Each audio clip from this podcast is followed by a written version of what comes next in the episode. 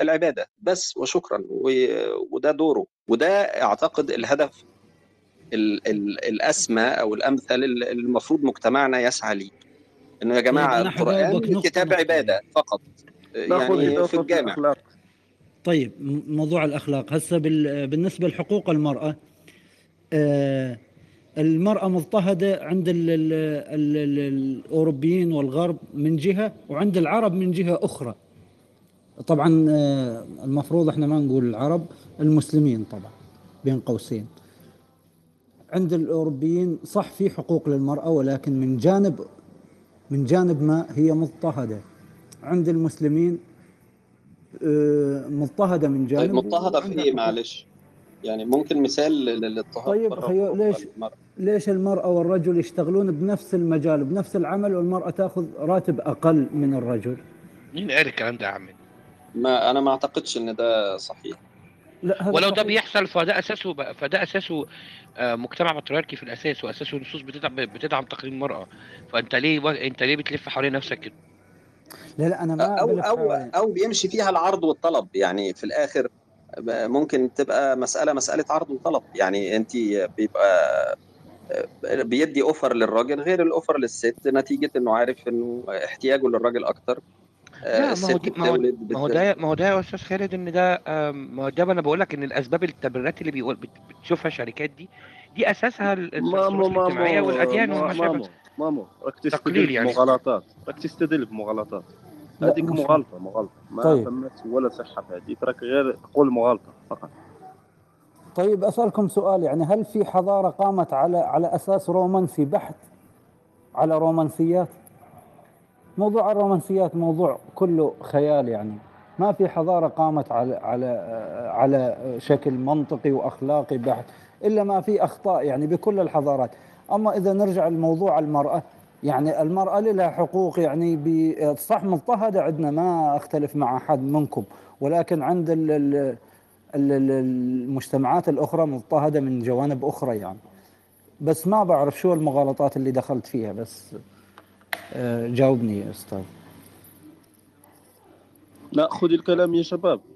طب لحظة واحدة بس آخد أبو آدم الأول وآخد أحمد وعمرو وبعد كده أجي لك يا أستاذ كارلو. طيب أبو آدم. صباح الفل.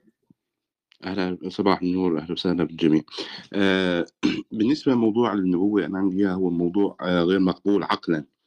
آه والحجة على الشكل التالي. أولا موضوع وجود الإله آه هو موضوع لا اكتراثي بالنسبة لي. آه طالما أنه ما في يوم آخر. آه لحتى إذا كان افترضنا في وجود يوم آخر ويوم حساب يعني. فبالتالي أنا بدي آه إذا كان الإله غير عادل فصار الموضوع يعني المؤمنين فيه والغير مؤمنين فيه يعني كله ماكل هوا. مش عارف شو راح يطلع معه. فلازم أنا أفترض وجود العدالة الإلهية. فالعدالة الإلهية شرط أساسي أنا لحتى أحسب له حساب لليوم الآخر. لا توقع منه عدالة بالمحاسبة.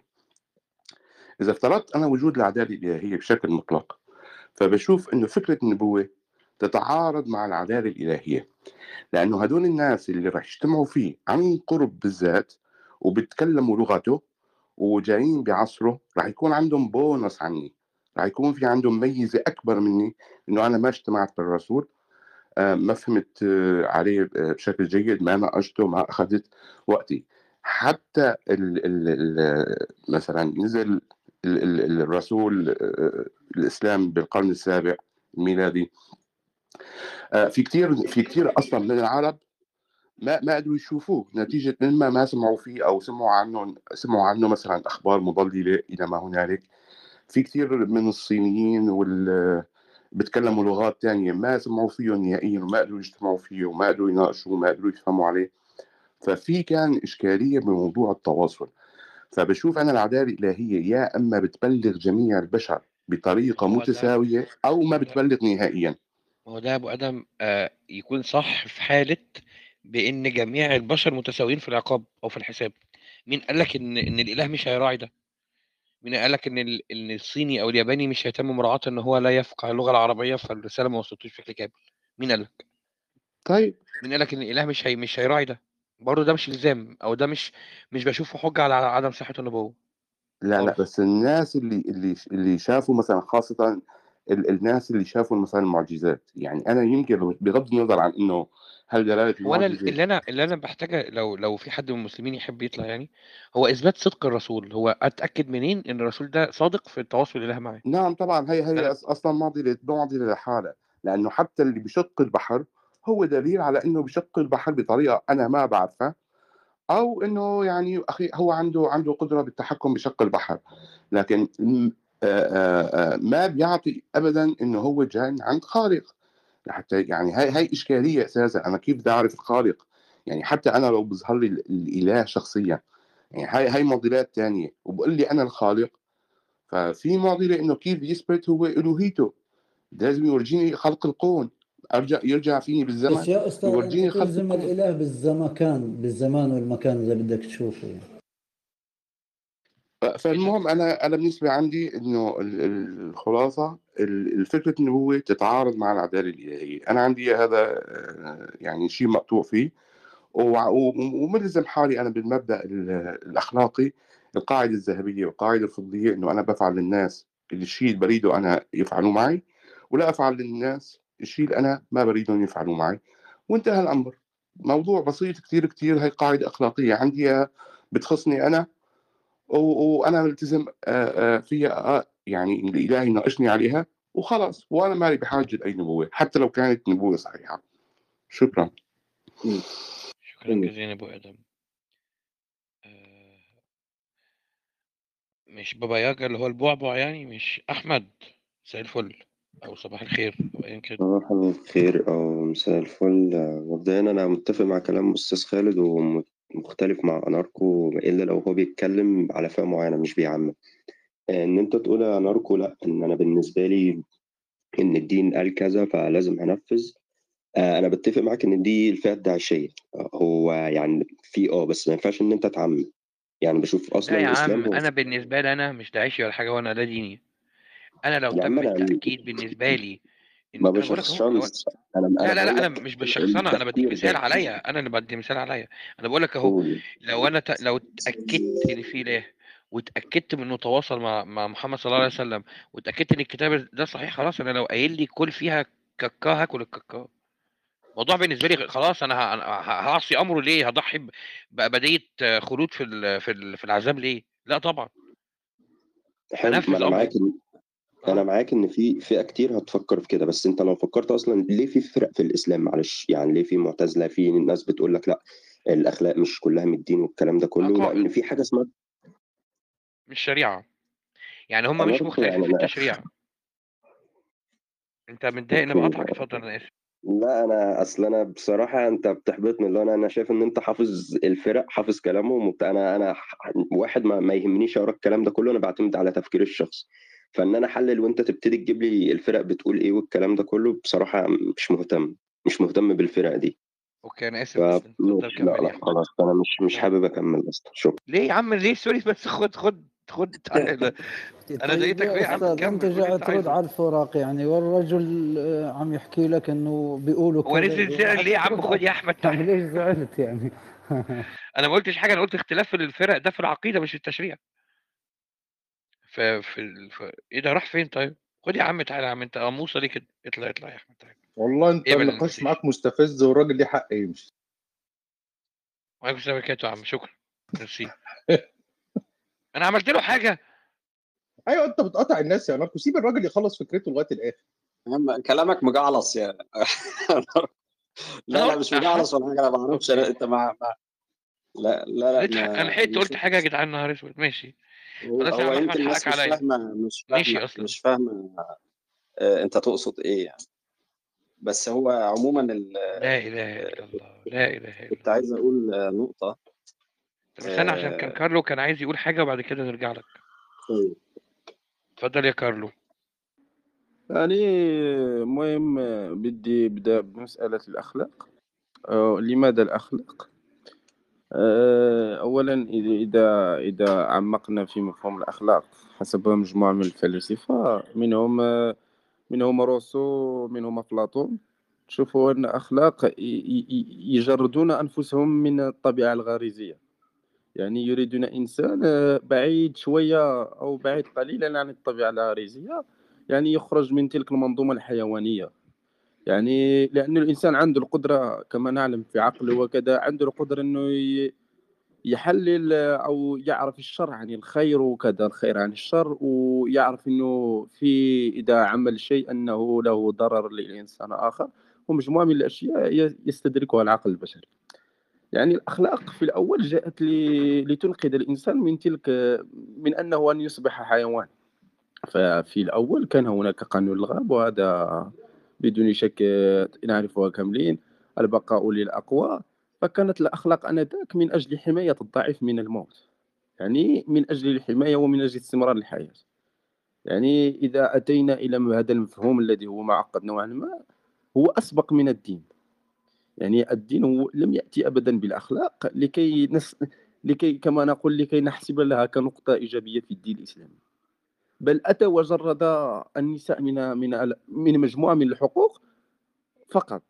يعني لم يأتي و كما نقول وأضاف لنا شيئا وكما يدعون أنه زعما أزالنا من الجهل وأتى بالنور وكذا وكذا وكذا إنما العكس.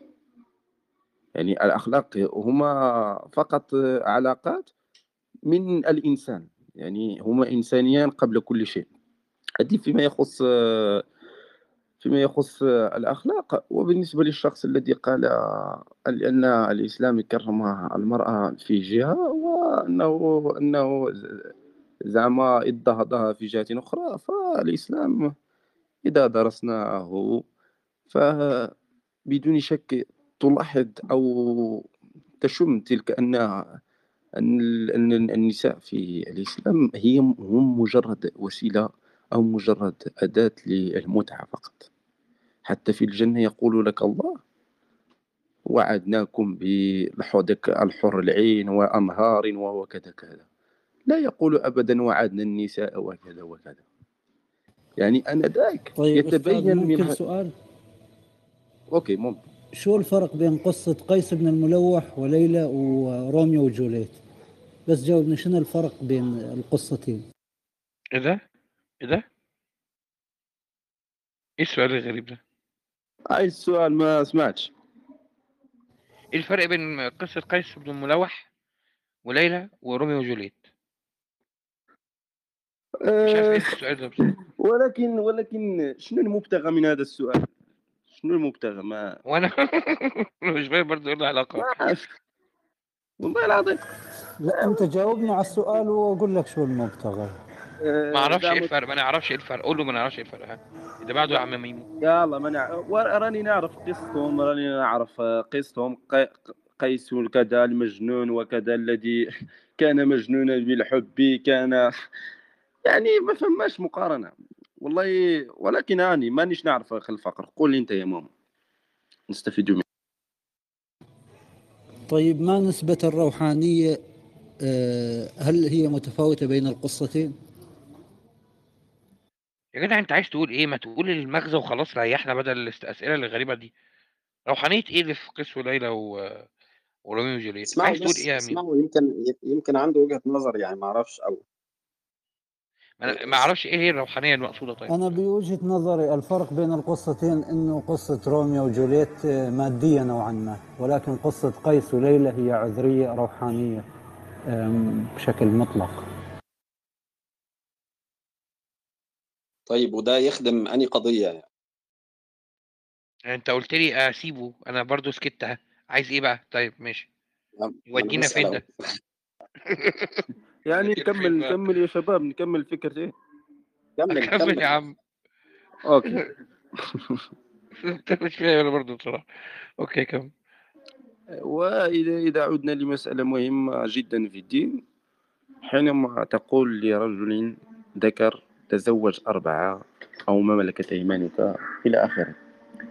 يعني تخيل معي إنه مرتك إنه أنت متزوج أربع مر- مرأات يعني الحب الذي كانت تبادله لك تلك المرأة تبادله ثلاث مرأات أخرى مع نفس الرجل. يعني كأنك تقول أن العاطفة والأحاسيس لدى. لدى المرأة تمثل واحد على أربعة. يعني كأنك تقول أن الإنسان يمكن يعطي الحب والحنان أربع مرات والمرأة واحدة. وهذه مغالطات في حق النساء. لأن إذا إذا تعمقنا فيما هو بيولوجي أو قمنا بنظرة صغيرة جدا عن الحيوانات نجد مدى أهمية الأنثى.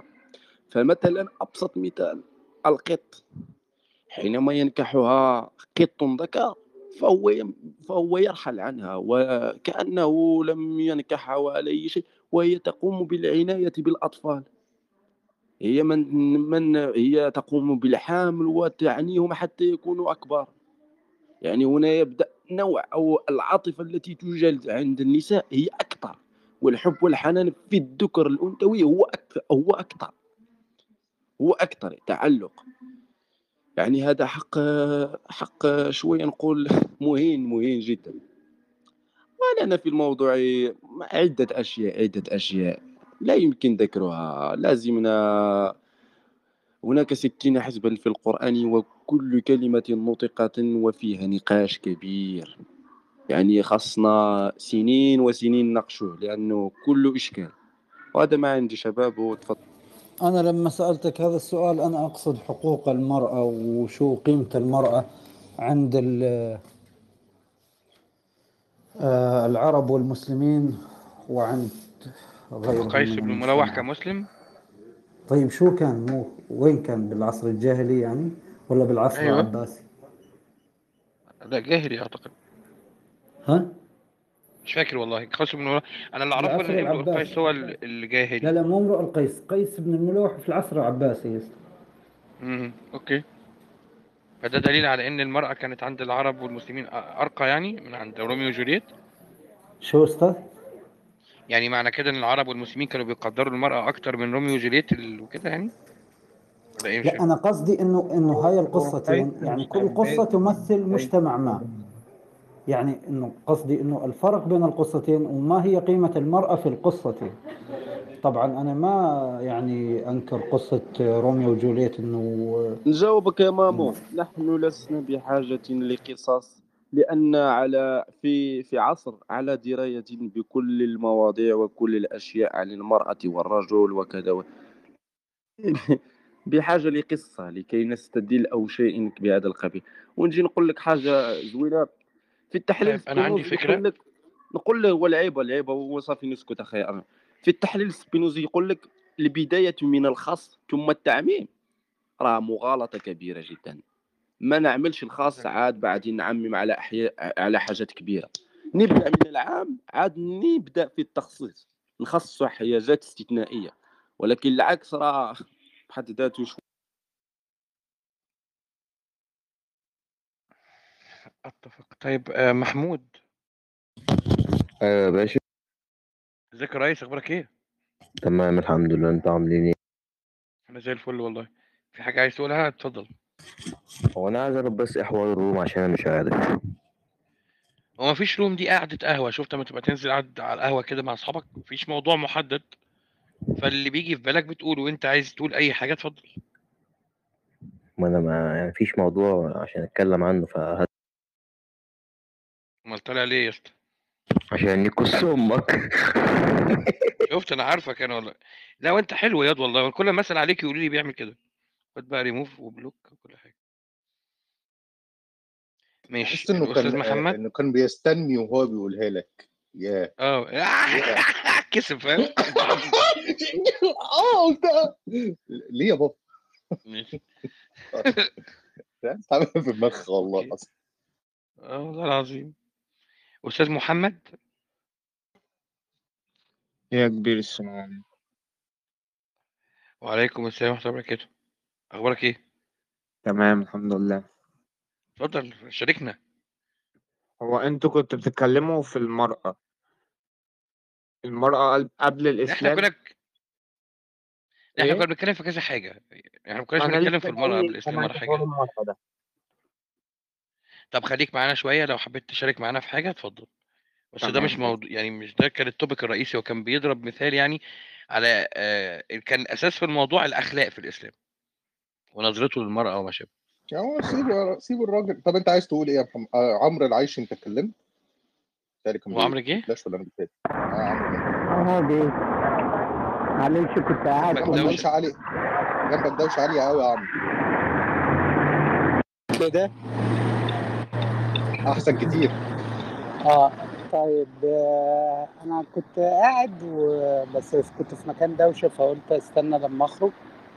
آه، في حاجة بس جديدة عايز أتكلم فيها. آه، تعرف يا ناركو حاجة عن آه، جهاد النكاية؟ إيه ده؟ نعم. جهاد النكاية. هي الكلمة كاملة ولا كده ولا فيها حاجة ناقصاها ولا بالته ولا لا بالكاف؟ نكاية دي بالته ولا بالكاف؟ لا لا لا. آه، النكاية. ال- بص هو في ثلاث أنواع من الجهاد.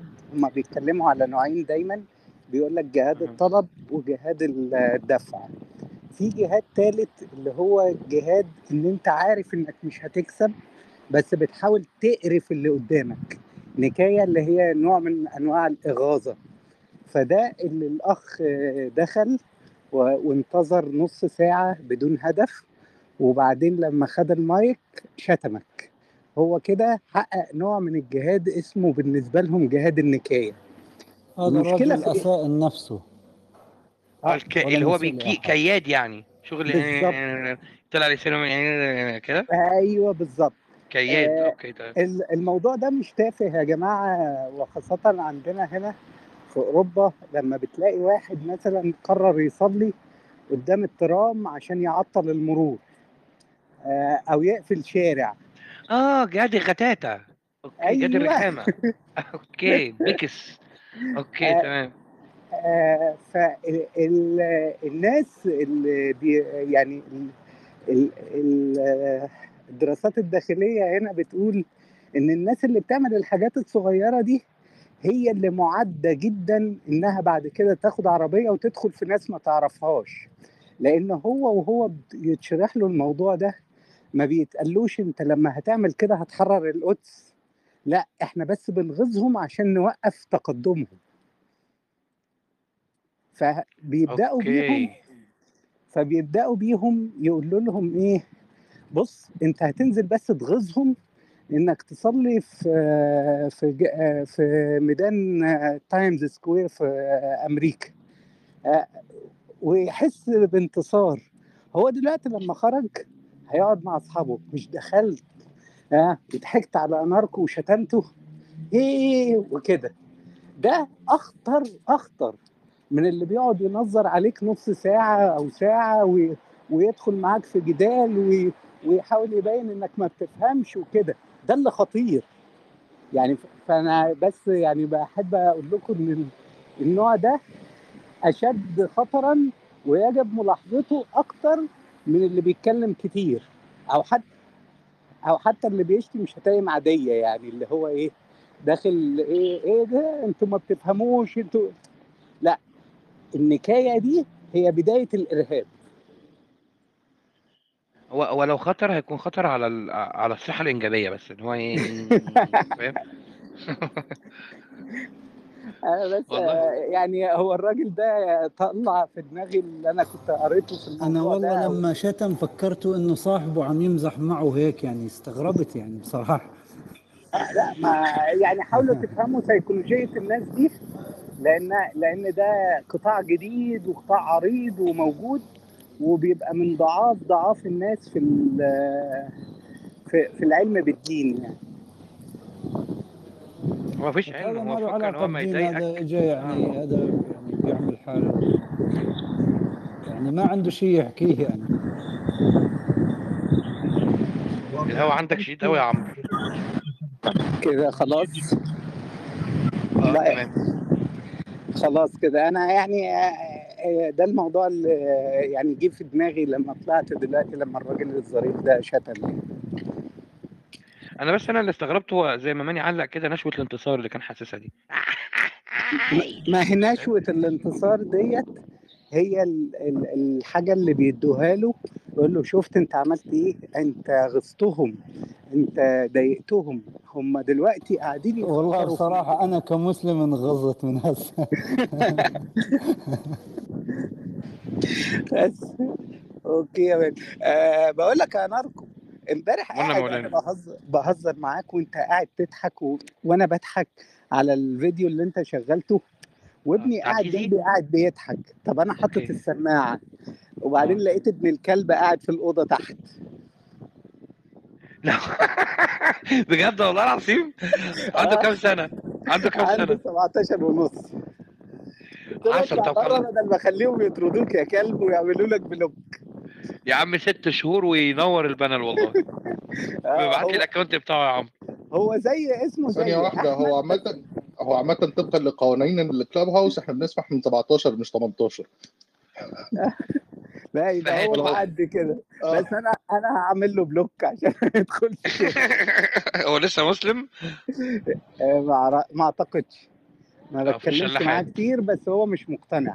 يعني كل شوية يجي على حاجة ويقول لي هو معقولة حصل كذا كذا؟ أقول له بيقولوا كده ما أعرفش. اقرأ واعرف أنا ما ما أعرفش. أها تمام. اللي اصغر منه عدت خلاص.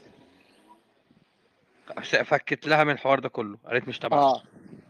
آه لكن هو لسه يعني متردد شوية.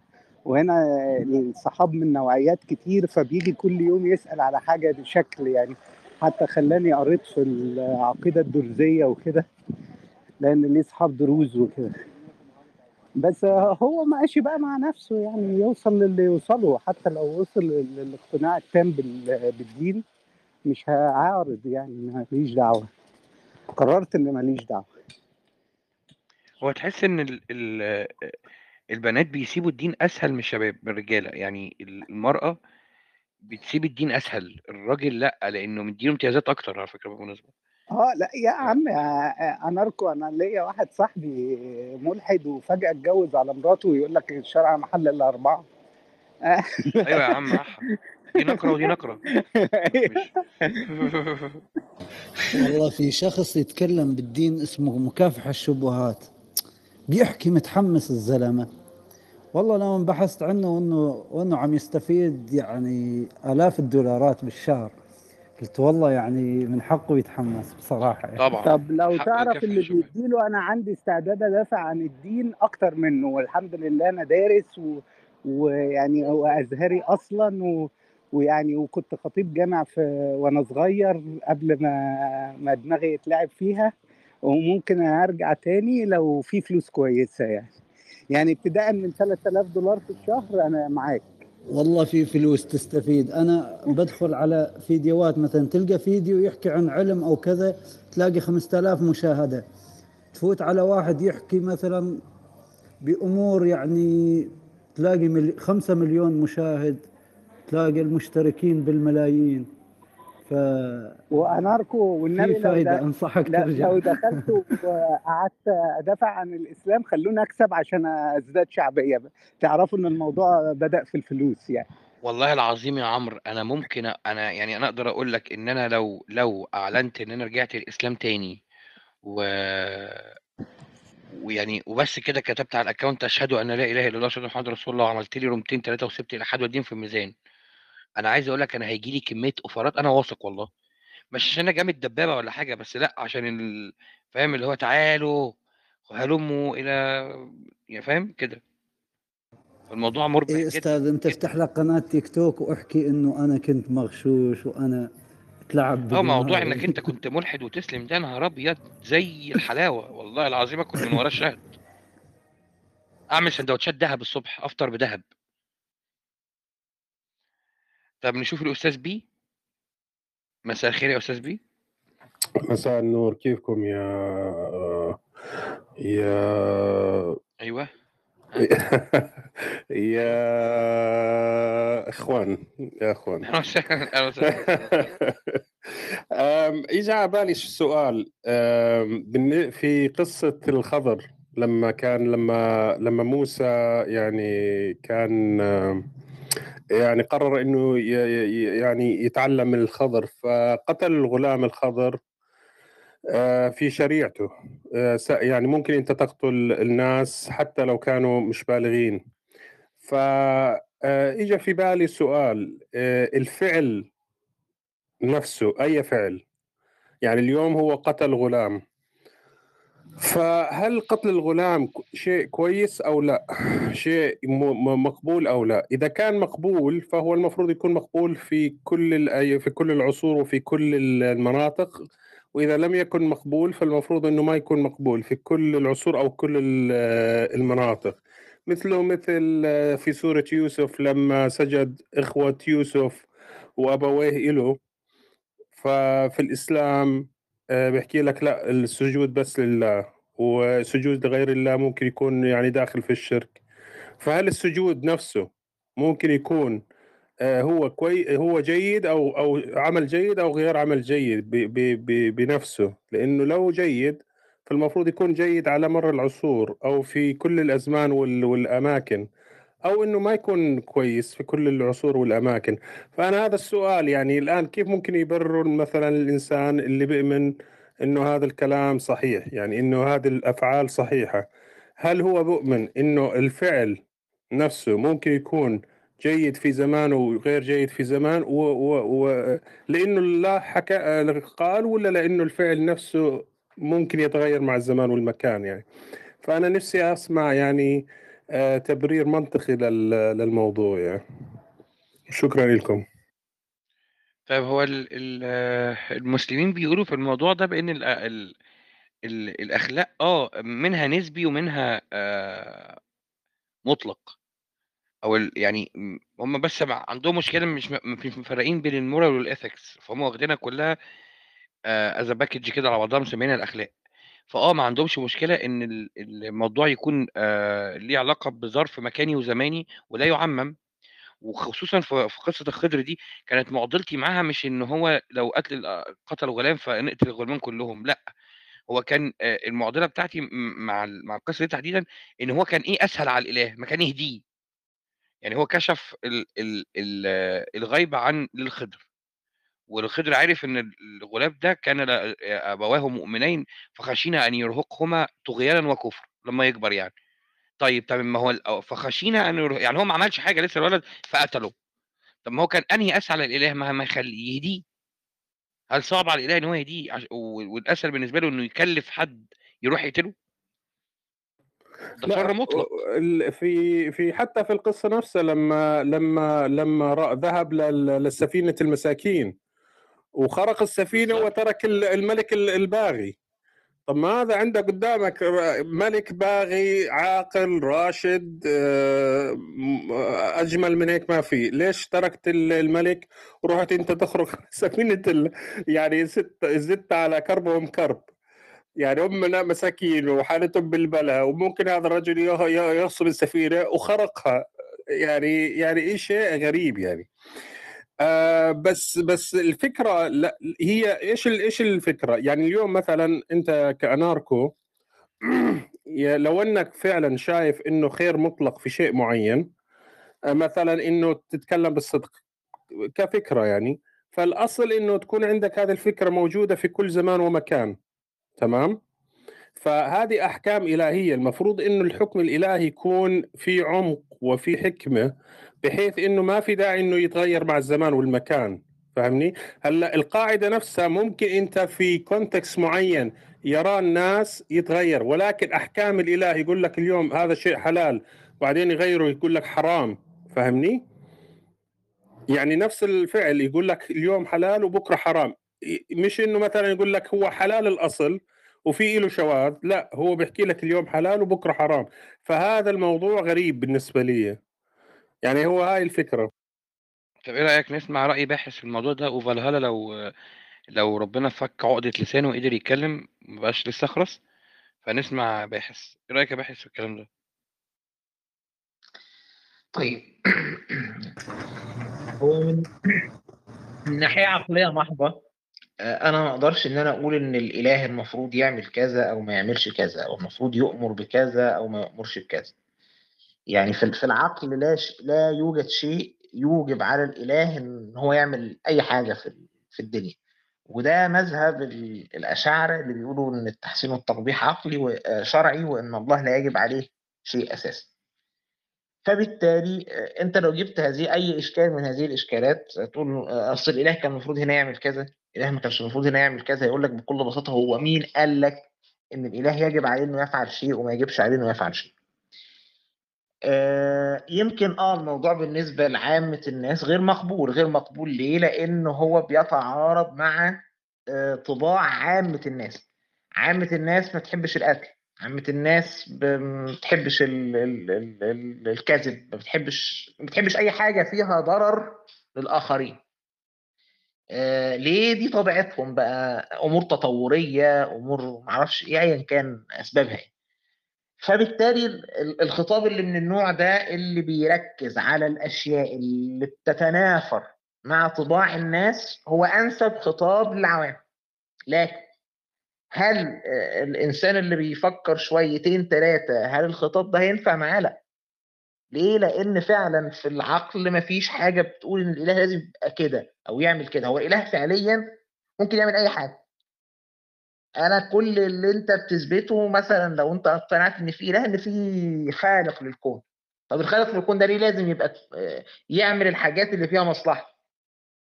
أو أو ليه لازم يعمل الحاجات اللي ما فيهاش مصلحتك؟ الاثنين يعني. مفيش حاجة تقول إنه لازم يعمل دي حاجة تقول مش إنه مش لازم يعمل دي. اللهم إلا إن أنت عايز إنه يعمل ده ومش عايز إن هو يعمل ده وكون وكون إن أنت عايز ده مش معناه إن هو لازم يعمل. ودي المشكلة اللي بيقع فيها المعتزلة والإمامية وكل اللي بيقول بتحسين تقبيح العقل. إن هم يقعدوا يقول لك والله أصل عدم إرسال أصل إرسال الرسل ده لطف.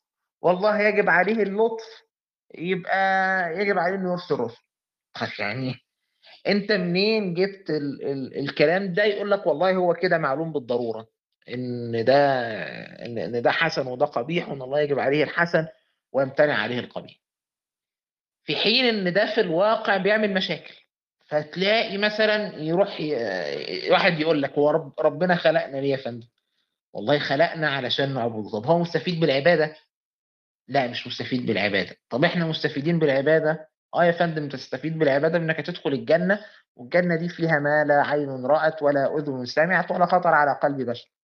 طيب هو كان ممكن إن هو يدخلنا الجنة من غير ده كله من غير الهيصه دي كلها والدنيا واصل أنتوا اعبدوني ولازم تقولوا أشهد أن لا إله إلا الله وأن محمد رسول الله. آه كان ممكن. طيب يبقى يبقى كل اللي أنت بتتكلم عليه ده عبث. ليه؟ لأن هو مش راجع عليه هو بفايدة. هو كده كده في النهاية غير مستفيد من إن حضرتك تعبده وإن حضرتك تصلي له خمس صلوات ولا إنك تشهد أصلا انه إنه لا إله إلا الله وإن في رسول. هو غير مستفيد بأي حاجة من ده خالص. وانت كل استفادتك من ده انك هتخش الجنة والاستفادة دي ممكن ان هو يحققها لك بدون هذا الطريق. فبالتالي هذا الطريق عبث محض فبت... والعبث قبيح عقلا. وبالتالي يبقى يبقى ال- القصة كلها من أخي... من أساسها كده أصلا ما كانش المفروض الإله يعملها على أصول اللي بيقولوا بالتحسين والتقبيح العقل. وده من وده واحد من ثلاث أسئلة أو أربع أو, أربع إشكالات أوردهم الفخر الرازي في في أكتر من كتاب. وبعدين الفخر الرازي قال لك بقول لك إيه عايز تثبت نبوة ما تقوليش تحسين وتقبيح عقل ليه ما ينفع التحسين والتقبيح العقلي ده مشاكله ملهاش آخر. آه، فده- ال- ال- ال- ممكن بس آه، هي ال- ال- ال- ال- ال- كلامك عن قضية اللي هي خليه آه، يكمل يا خليه يكمل آه بس لا لا لأنه لأنه أنا سألت السؤال فهو بيجاوب على جو سؤال ما خلصش؟ مختلف. لا لا هو بيجاوب على سؤال هو مختلف. رايح لك هو رايح مم. لإجابة سؤالك هو رايح آه لإجابة أوكي أوكي أوكي. خليه يكمل بس كمل يا بيه آه. آه، فنرجع تاني لل- لل- لل- لسؤالك يا أستاذ آه، بي. آه، انت كنت بتتكلم على موضوع الخضر وال وال وليه قتل ال- الغلام وليه الله ما ما كان الله يهديه يا سيدي بدل ما يقتله. ولو القتل ده لا ده كان آه، كلامي سيء هو بيقول إن إشمعنى قتل الغلام هنا حسن؟ ومعنى كده إن إحنا ما نقتل كل الغلمان في كل الأوقات؟ لا ما هي دي بقى النقطة. إن إحنا إن مفيش حاجة اسمها حسن وقبح أساسا راجع للأشياء. خالص. الحسن والقبح للأشياء ده أمر إضافي. الله هو اللي بيضيفه لما بيأمر. لما بيقول والله الفعل ده حسن يبقى حسن. لما بيقول الفعل ده قبيح يبقى قبيح. لأنه هو لا معنى للحسن والقبح إلا منافرة الطبع أو موافقة الطبع يعني طباع الناس. يعني أنت بالنسبة لك ليه القتل قبيح؟ لأن أنت طباعك بتنفر من هذا الفعل. بتنفر ليه؟ بتوع التطور ممكن يجاوبوا. لكن الفعل في نفسه من ناحية عقلية محضة بعيدا عن طباعنا بعيدا عن أي حاجة. هل هو في حسن وقبح؟ لا. فبالتالي الله آه، قال والله إن ده آه، كويس في الموضع ده. آه ده كويس وزي الفل. لا يسأل عما يفعل وهم يسألون. قال ده كويس؟ آه ده كويس وزي الفل. لا يسأل عما يفعل وهم يسألون. ليه؟ لأن كده كده الأشياء في ذاتها لا يوجد فيها لا حسن ولا قبح. الحسن والقبح اللي أنت حاسس بيه ده كراهيتك أنت للفعل ده أمر راجع لطبعك يا سيدي. طبعك ده خليهولك ملوش لازمة بال- في, في, كمعيار يعني.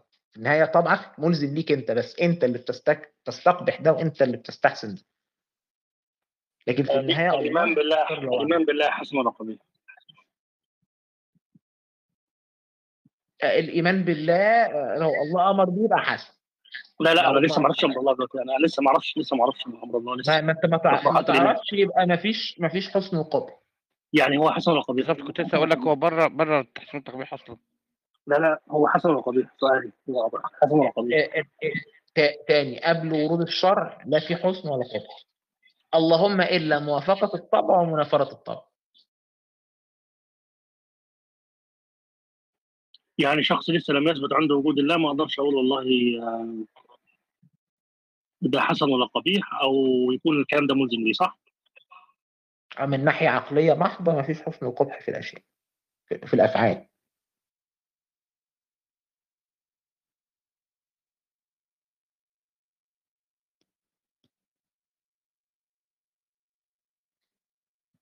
أوكي تمام بس كلامك أنت عارف هتواجه بيه مشاكل فين صح؟ التحسين والتقبيح الشرعي؟ لا آه أنت عارف إن مشاكله. عدم أنت عارف مشاكله. قبل الاستدلال على أنت عايز مجدي أنت بتتكلم لا لا لا هو هو فاهم عدم هو عارف حاجة قبل المشاكل فين التحسين والتقبيح آه الشرعي. أنت هنواجه مشاكل في المعجزة. آه في دليل. آه هنواجه مشاكل. بس أنت جيت للحق. أنا أنا ك- كباحث أنا أنا مقتنع إن الأشياء في ذاتها ملهاش ملهاش أي حسن ولا قبح. حسن وقبح ده راجع لطبع نحن آه، ومفيش أي حاجة تجبر إن الله يفعل حسن ويمتنع عن القبيح. ممكن يعمل أي حاجة هو عايزها. آه، عقلا كده بمحض العقل مفيش أي حاجة تجبره. مش هيبقى مش إله لو عمل القبيح يعني. وده اللي الأشاعرة شافوه. وأنا أرى إن هم كانوا مصيبين في هذه المسألة. فبالتالي أنت مش هتاكل معاهم لما تيجي تقول لهم والله أصل ليه هنا عمل وليه هنا ما عملش؟ لأن هم أصولهم ما يلزمش منها الكلام ده أساسا. فالخطاب ده نافع مع العوام؟ آه نافع مع العوام لأن العوام في مخيلتهم إن الإله ده هو الرحمن الرحيم. آه ربنا ده حن واحد حن من عليك في في الكون حن عليك من من أبوك وأمك. فبالتالي لما أنت بتعرض لهم هذه الأشياء هذه الإشكالات الموضوع بيشكل عليهم بسبب تصورهم عن الإله. لكن اللي بقى بي بي بيدرس شوية في علم الكلام أو أو في العقيدة عموما يعني. لا ما هذه الأمور ما بعد الأصول دي ما بتشكلش عليه. مش عارف أنا جاوبتك كده ولا لأ. طيب نسمع حنين. وبعد كده نقعد بقى في كذا حاجة كنت عايز أكلمكم فيها في موضوع الإرادة. لو يسمح يعني محس ومجدي حنين إزيك؟ آه كويسة شكرا. إزيكم كلكم تحية للجميع. إذا إذا أستاذ بحث ما زال- يتكلم؟ أنتظر مش مشكل. أو آه، أحد آخر حب يتكلم. لا لا أنا خلصت خلصت. شكرا أستاذ. أنا عندي سؤال في أو كلام في أمر آخر. أنا منذ تقريبا ثلاث أيام أو أربعة دخلت على روم شد شدني عنوانها. ف فسمعت آه، أصحاب الروم هما كانوا قليل يعني أربعة أو خمسة. مسكين واحد ومن لهجته يبدو أنه آه، عراقي. لا لا مصري. والجماعة كاين مصريين والعراقيين. فأظن أنه هذا هذا الناس لأني أنا آه، يعني بديت بحث كيف كيف يتم تجنيد الشباب والبنات حتى يلتحقوا بأمثال داعش. آه، سوري أنا شوية فرنكوفونية إذا جات العربية تاعي صعبة أعطوني شوية وقت. ألوغ سمعت واحد يقول له آه يعني أنت تشتغل هو الإنسان هذا المصري جندي في الجيش المصري. فيقول له أنت لازم آه تسيب الشغل لأنك آه هذا الشغل هذا أصلا آه حرام لأنه الدولة أصلا كافرة. فحسيت أنه ذاك الانسان يرجف وكأنه يرجف على الكلوب هاوس. فلما قال ما عنديش حل آخر وعندي أطفال ولازم أشتغل ولازم ولازم. حرفيا قالوا له أنت والعاهرة لا فرق بينك وبينها. فسؤالي للجماعة يعني لو مثلا في يوم من الأيام إذا تفضلت وتكرمت وطبعا وكل الأساتذة الكرام كلكم وطبعا أنتم يعني مشكورين على مجهوداتكم ومعلوماتكم كلكم كلكم فردا فردا. إذا ممكن تكلموا في يوم من الأيام على هذا موضوع تجنيد البنات والشباب وتأثير هذا الناس هذو آه، بالأفيون هذا الدين حتى يقدروا يخرجوا الناس من من يعني من غاية من من طريق هذه حتى يدخلوهم في طريق آخر ويروحوا يعملوا مثل داعش وبوكو حرام وإلى آخره. وشكرا لكم جزيلا. عفوا إذا خرجت من إلى موضوع آخر تماما. عفوا. لا لا ولا يهم حضرتك ولا يهمك. تحياتي لكم جميعا. شكرا جزيلا أستاذ حنان آه، يا فالهالا يا زفت. معاك إذا لسانك اشت- اشتغل يعني. لسانه اشتغل لما أنا آه طبعا بفضل الله. سبحان الله سبحان الله. والله من كراماتي. أقسم بالله من أي كراماتي. أتفق والله أتفق. طب إيه هل في مانع عقلي معانا فوق في التكييف؟ هل في مانع عقلي إن أكون أخرس من ساعة ودلوقتي اتكلم؟ لا قطعا لا. هو في منع عادي يا فندم. لا مفيش. لا مفيش لا الطب ما الطب ما خلاش حاجة دلوقتي. آه يا ما أنا ما أعرفش حاجة في الطب تخليك كنت من آه وبعد كده بقيت ليه؟ أم- ما ما قلتش. لا لا ركب له ركب له لسان بلاستيك عادي. لا أنا ما قلتش إن أنا ما كنت ما كنتش بتكلم عشان خاطر أنا مش بعرف أتكلم. يعني ممكن يكون السماعة كانت بايظة النت عندي وحش. باكل في الحمام. أنت قلت إنك أخرس يا فندم. ما قلتش إنك عندك آه، أخرس. قلت أخرس اللي هي أخرس اللي هي أخرس بالعربي. بقول لاناركو أخرس. بس عشان ما عشان ما تردنيش ما حبيتش. بتتجرأ على الأستاذ أناركو بتقول له أخرس كمان لا حول ولا قوة إلا بالله لا حول. شوف أنا اللي كنت فاكرك بتقول أخرس. تصدق والله بس العظيم بس كنت بحاول خدت على طب يا اناركو الله انت- نعم. آه أنا كنت عايز أرد على موضوع الخضر. جو آه آه في موضوع الخضر. آه أنا كان عندي نظريتين يعني آه نظرية إنها ممكن الاحتمال الأكبر إنها تكون قصة رمزية بتعني للناس إن يعني آه خلي بالكوا الحدث لما تشوفوه لا يعني آه، تفاصيل الحدث اللي انت شايفها سواء من آه، آه، ظلم آه، سواء من حد بياخد حاجة أكتر من حقه يعني ناس قاعدة كده آه، فجأة آه، ال- الحيطة هتقع حد يعملها له ببلاش آه، سواء آه، موت طفل. فهي كحاجة رمزية حلوة. فكان التفسير التاني اللي هو ينبع من نفس التفسير ده إن حكمة الله قادت إن هذه الأحداث تحدث لتعليم البشر بالصبر والرضا و و و و وإن المسألة مش مسألة واحد قد ما مسألة البشرية كلها هتستفيد من هذا الموضوع قد إيه؟ ولو حسبتها بمقياس الخير والشر في واحد مات لكن آه، بعد كده ملايين صبروا على موت ابنهم وبقى عندهم العزاء بتاع ما هو يمكن لو كان كبر كان آه، قرفنا. لأنه هو حتى استخدم كلمة خشينا يعني مش علمنا. يعني مثلا لو كان قال علمنا إن هو هيطلع ميتين أبوهم آه، كانت بقت إيه معناها أقوى.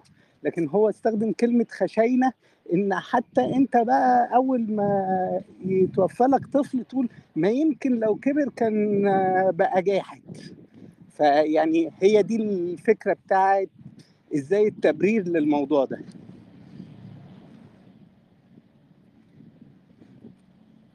عجبتني هي كانت في زمن المعجزات.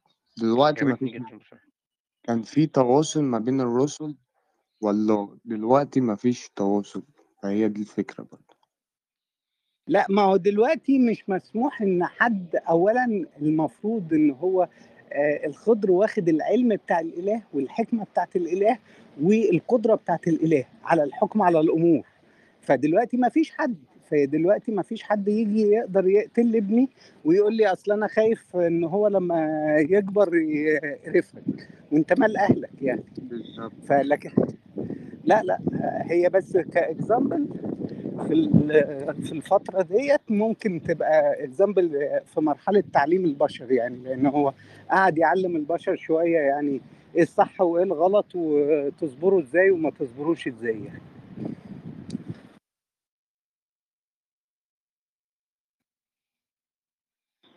أنفع أرقع ناركو؟ لا هايل والله هايل أقنعتني شوف الاستاذ إبراهيم اللي طلع على البلد. أستاذ إبراهيم. أهلا. السلام عليكم. وعليكم السلام ورحمة الله وبركاته. كيف الحال؟ إن شاء الله. طيبين. زي الفل. عساك أنت طيب؟ من اللهم لك الحمد. دمها عليك يا حبيبي. اتفضل في حاجة معينة عايز تقولها؟ آه. اتفضل. هو يعني إيه لادينيين؟ يعني إيه القصد يعني إيه الفرق ما بينهم وما بين الملحدين؟ هل يعني في فرق ولا هم طيب هما كل الملحدين لا دينيين بس مش كل اللادينيين ملحدين. إزاي بقى؟ اللادينية دي حاجة كبيرة كده مظلة كبيرة يجي تحتها أكتر من فكرة. يجي بعدها تحت بس اللادينيين كلهم اتفقوا على حاجة واحدة كلهم. على إن الأديان كلها صناعة بشرية.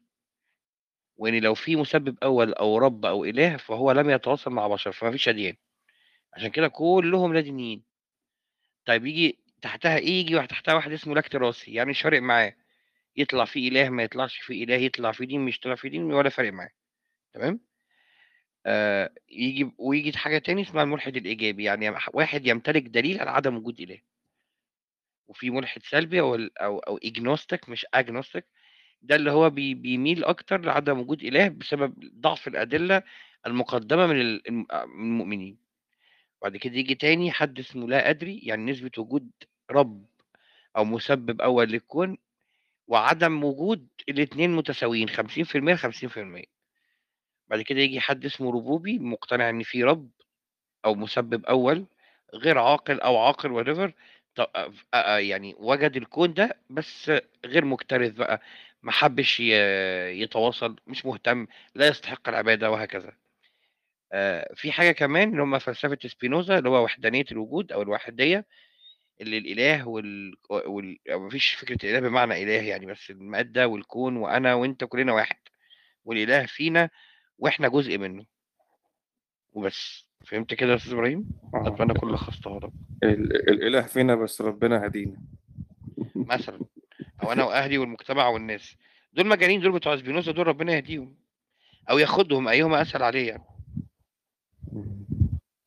شكرا جزيلا عندك سؤال تاني يا أستاذ إبراهيم؟ لا وضحت ما شاء الله بما فيه الكفاية نورتني خش على الرابع يا مارك. آه لا أنا عايز أفوق بقى طيب ال ال آه الإله مريد صح يا مجدي؟ الإله هو إله لأن هو إله مريد صح؟ لا آه. افتح الماك كده وخش معايا صح كده؟ لا خليك مع باحث الواقع ده. وراجل سلف على قد حاله. ما ما تحورش. والله العظيم هو يعرف أكتر مني في الموضوع هم أكتر ناس اتكلموا في الآراء. طب تعالى يا باحث جاي؟ والله. يعني على استحياء كده. طب خلاص خليها بعدين. بص مبحث الإرادة ده أنا أكتر حاجة ما بكرهها هو هو بيقول لك على الصحيح عشان خاطر الموضوع صعب يا مر بس خش مع باحث هنستفاد يعني. هو كمل أنا عارف إن هو صعب. لا يا عم عادي خليها ما فيش مشكلة خليها التاني هو لا فعلا لا لا هو لا أكتر كمل. أكتر أكتر أكتر حاجة كلموا فيها الفلاسفة أساسا وأكتر حاجة كلموا فيها المسلمين هي الإرادة وأكبر مبحث أساسا سواء سواء إرادة الإله أو حرية الإرادة لل- للعبيد سواء بالجبر أو بالكسب أو بالحرية الإرادة الكاملة للبشر. وكمان حتى الإرادة عند الإله نفسه. هل تتعارض مع بعض الصفات أو لأ؟ وهكذا. المش... الأشاعرة حلوا الحتة دي في موضوع الإرادة في إن هو لا يسأل عما يفعل وهم يسألون. حتى لو تتعارض مع العدل بمفهومنا. فهم قالوا لا لا إن أصلا الأشاعرة قالوا بالترجيح مشكلة الإرادة يعني هي أعمق من كده يعني, يعني أنا عارف الترجيح بدون مرجح دي طب اللي أنا عايز أقوله. سؤال هنا معلش هو اللي بيشكك مثلا في عدم وجود ربنا هل معتقد بقى مثلا اللي في ملايكة في شياطين في الكلام ده ولا هو آه آه. لأ؟ لا لا لا يا آه. محمد لا بس يا مجدي بقى بيسأل بجد الراجل ما يعرفش لا يا محمد ما فيش أي حاجة مش مرئية ما فيش حاجة غير مادية. طب تمام. ممكن بس نكمل النقاش مع باحث؟ اتفضل يا باحث. اللي أنا كنت عايز أقوله إن الأشاعرة عندهم يعني المشكلة اللي عند الأشاعرة هي أكبر مشكلة في الإرادة دي موضوع الترجيح. هي. الإرادة بترجح بناء على إيه؟ يعني بتر- يعني هي يعني الأشاعرة مثلا يقول لك هي الصفة التي يتم بها الترجيح فبالتالي ما تقوليش إزاي الإرادة رجحت. أو إيه اللي خلى أو إيه الإرادة؟ علة الإرادة؟ أو إيه علة ده الإرادة أصلا؟ آه. ف. برضه تيجي تحس إن الموضوع ط- أنت ما عملتش حاجة. أنت كده كأنك قلت برضه إن حصل ترجيح بدون مرجح بس أنت سميت الترجيح بدون مرجح ده إرادة. يعني يا فرحتي. ما عملتش حاجة. أنت أطلقت عليه اسم وقلت إنه صفة بس مش أكتر. لكن في الحقيقة آه، ده الواحد ما لا تعقل غير إن هو بي- بيرجح بناء على حاجة بناء بقى على صفة موجودة فيه واجبة ليه. فبناء عليها ممكن يقول يرجح لك بير... بيرجح في ذاته. ما- بذاته دي يعني إيه؟ ما بعرفش يعني والله. ما أعرفش يعني إيه. بتلاقي بقى كلام في المسألة يعني كلام غير مفهوم آه يعني العلة يقول لك علة الإرادة في ذاته. يعني إيه بقى علة الإرادة في ذاته؟ يقعد بقى يلف ما كتير قوي انها انها آه، آه،. إن هي علة كل كل الصفات هي الإرادة. هي علة كل الصفات هي الإرادة. لا ماشي. هي علة. الصفات الفعلية مش الصفات المعاني مش صفات المعاني. آه لأ خلينا. تتعلق لا لا خلينا يعني الفعلية أنا علة اقصد ال- آه.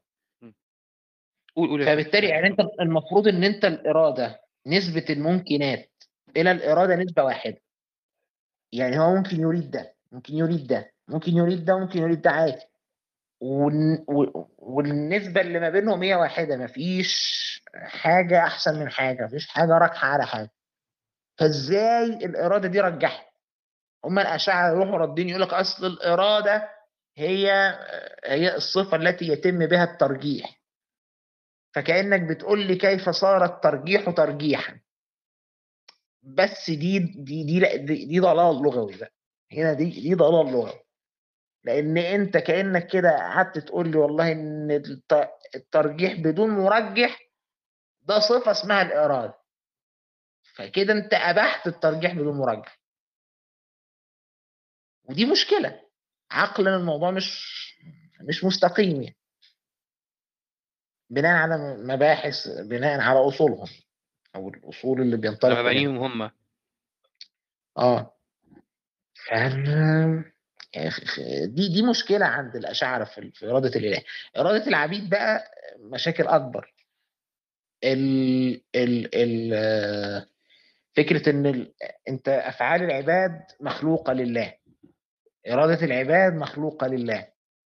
طب هما بي بيعملوا إيه بقى؟ إيه اللي بيختاروه هما يقول لك أصل الاختيار والكلام ده أنا مش عارف تفتكر طلع يزن قالوا الكلام ال- ال- اللي ملوش معنى ده. إن أصل ال ال ال إيه ال ال الاختيار هو ال- النسبة اللي ما بين الإرادة وما بين ال ال ال الفعل اللي اتعمل. وال والنسبة دي نسبة عدمية. ونسبة عدمية يعني ما ملهاش موجد يعني الله ما أوجدهاش. فبالتالي هي دي الإرادة بتاعت حضرتك. يعني من آخر الإرادة إيه ده هو بتاعتك ما بي- يا ما بيقولش بالكسب اللي بيقولوا ده ملوش علاقة بالكسب خالص. هو هو بيقول عادي بالكسب لكن انت لما بتيجي آه. تقول له فين حرية الإرادة؟ يعني فين حرية الإرادة لل... لل... لل... لل... للعبيد؟ للعبد. آه يقول لك أصل أنت في نسبة ما بين ال... الإرادة الإرادة ما أنت الإرادة مخلوقة. والله اللي خلقها. الملكه اللي آه. فيك اللي اسمها إرادة دي الله هو اللي خلقها لك. طب والفعل ال... والفعل اللي بيتعمل الله هو اللي بيخلقه. طب أنا عملت إيه في الموضوع؟ اخترت. اختار الاختيار ده عبارة عن إيه؟ عبارة عن نسبة بين عدميه الإرادة؟ الإرادة والفعل. اتعمل آه طب ما ده كلام بلح ده ده إيه يعني من الآخر اللي أنت عملته أنت ما عملتش حاجة. هو اللي أنت المفروض بتقول نسبة عدمية يعني مش موجودة. آه أصل هو لو قال نسبة النسبة لو قال إن إن إن الاعت- يعني ال- اللي هو اللي هو اعتبار يعني لو قال إن الاعتبار ده موجود يبقى الله هو اللي خلقه. ليه؟ لأن لا فاعل الحقيقة إلا الله عنده.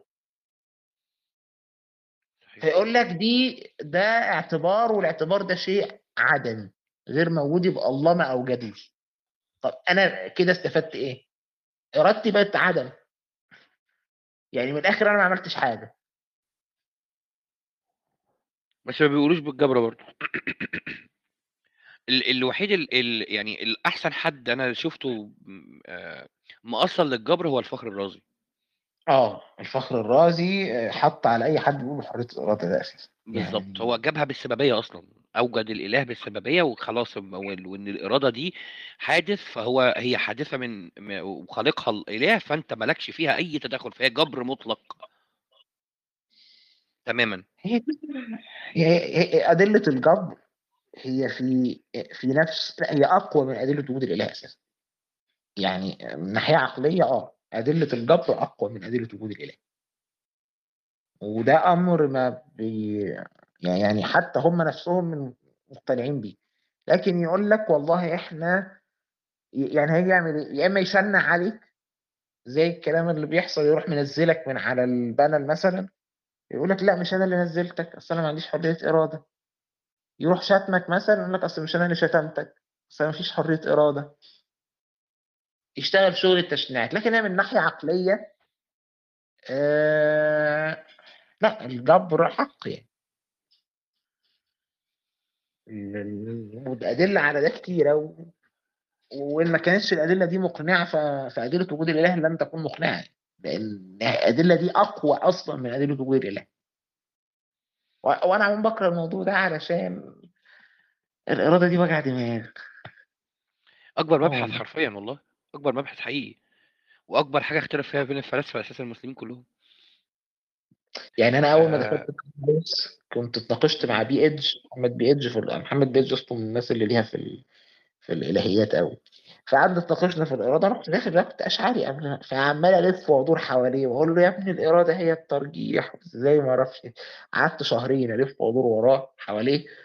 في الآخر قلت له بقول لك أنا كنت أديني شهرين بلف وأدور ح- عليه بس أنا فاهم أنت بتقول إيه بستعبط الصراحة دي مش. فهم فاهمين اللي بيتقال إيه. بس هم عارفين هي بي... أكبر استشكال، هي هم عارفين هي أكبر استشكال أصلًا.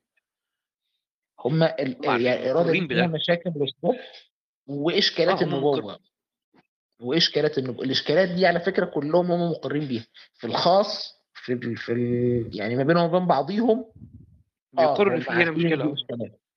في الإرادة آه عشان كده في الإرادة هتلاقيهم يشنعوا عليك بالطريقة اللي هو ينزلك من على البانل يشتمك مش عارف إيه علشان يقول لك إن ما إن اصل أنا ما عنديش إرادة ياخدوا. نظام التشنيع في. في مبحث النبوة برضو نفس هم مقرين بالإشكالات دي وإن فعلا الإشكالات دي لازماهم برضو في الخاص وعلشان كده ما بيحبوش يناقشوها ما بيحبوش يردوا عليه ليه بيخافوا الناس تسمع لأنه هيجي هيضطر يرد على الإشكال يبقى الناس هتسمع والناس هتسمع مشكلة. فالمنطقتين دول هم ربنا معاهم فيهم. طب خليني أعلن عن حاجة بس. النهارده الساعة 6 الروم اللي محطوطة فوق دي بيان النادي. آه، الساعة 6 بتوقيت القاهرة. آه، يعني على الأحداث السابقة والأحداث الحالية على الكلوب هاوس يعني. ف لمن يهمه الأمر يعني يبقى احضروا الروم دي عشان مهمة. بيان رقم اتنين للحد في الميزان. طب يا جماعة مين فيكم اللي مسح الكومنتات بتاعت الأخ يا أخي عبد الله يخرب بيتك. يا أخي الله يخرب بيتك. الحساب رقم 600 بعد الألف. حاجة مش ممكن. والله يا جماعة أقسم بالله الذي لا أؤمن به ما بإيدي. يعني كان في حملة بلاغات اليومين اللي فاتوا وما أعرفش أقول لكم إيه والله. طب قولوا لي أعمل إيه يا جماعة؟ طب قولوا لي وأنا وأنا إيدي على كتفكم يعني. ما أنت كمان بتحط صور على ال profile picture بتاعتك مستفزة قوي يعني. بس بذمتك ما معبرة. أنا راضي ضميرك يا man المشكلة إن هي معبرة. أما هي لو ما كانتش معبرة ما كانتش فرقت مع حد.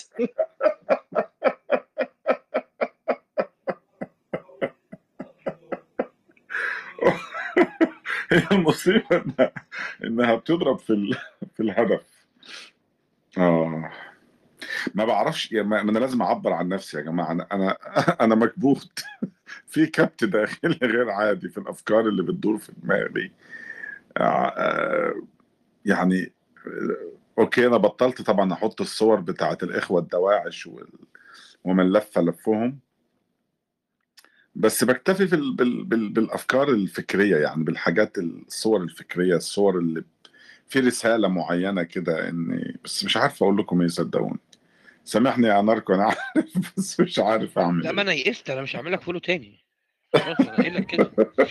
موضوع إن اعمل لك follow ده فري مايند خلاص مش هعمله تاني. آه. ده أنا ده أنا زهقت أعمل follow لنفسي تخيل. آه والنبي أنت مش عارف أنت بتجيب الأرقام دي منين؟ أنت الأرقام عندكم في في بلاد الفرنجة كفر؟ آه كفر؟ في بلاد الفرنجة آه مجانا مجانا. بناخدها على البطاقة. بتاخد عدد لا نهائي من الأرقام علشان إيه؟ آه، كل ما تتزنق في كلاب هاوس تفتح نمرة جديدة. لا صدقني يا حلو ناركو لا لا لا. لا هو أنا مش لازم أقول إن أنا في أجازة في بلد معينة فاشتريت SIM card للبلد اللي أنا فيها في أجازة. يا وعدي يا وعدي على الروقان يا عيني. أنا مش عايز بتبلبط افصح نعم؟ بتبلبط؟ آه، تقريبا. آه، يا تقريبا. آه أه- أبقى أقول لك على الخاص أنا فين. أنا آه. لا ما أنا لو قلت لك أنا لو أنا قلت لك أنا أنا فين بالظبط ممكن المكان نفسه يتم رصده يعني. ف لا لا بلاش على إيه على إيه على إيه. آه ف بس فكنت جايب سيم كارت كده أمشي بيه الإنترنت في الوقت ده ف... ف... فاستفدت من النمرة يعني. لكن ما دون دي الصورة اللي انت حاططها دي معبرة بشكل غير عادي والله العظيم بجد. والله والله فكر فيها بجد فكر فيها بعمق آه. شوية. آه، صورة عميقة جدا. أنا عجباني موت لهذا السبب. آه والله بجد حقيقي. ودي فعلا خلاصة الصراع الطائفي. بل إن أنا عايز أضيف هي خلاصة الصراع الديني على فكرة. أنا على فكرة ما عدتش بشوف فرق بين المسلم والمسيحي على فكرة. ونفس الكلام بالنسبة لي ينطبق وبين الارثوذكسي والكاثوليكي ولا اي حد. مفيش فرق. مفيش فرق خلاص. وفعلا ده بيكره ده عشان ده متخط أسود متخطط بأبيض وده أبيض متخطط بأسود. واخد لي بالك؟ مش هتلاقي لها إجابة بالظبط. وتضيف على وضيف على دول على فكرة الأشاعرة وال- والمجسمة وال والمعطلة وال- والمفوضة والمو... كل واحد. يا جماعة ما فيش فرق. طب لحظة واحدة فري مايند ماني أنت موجود؟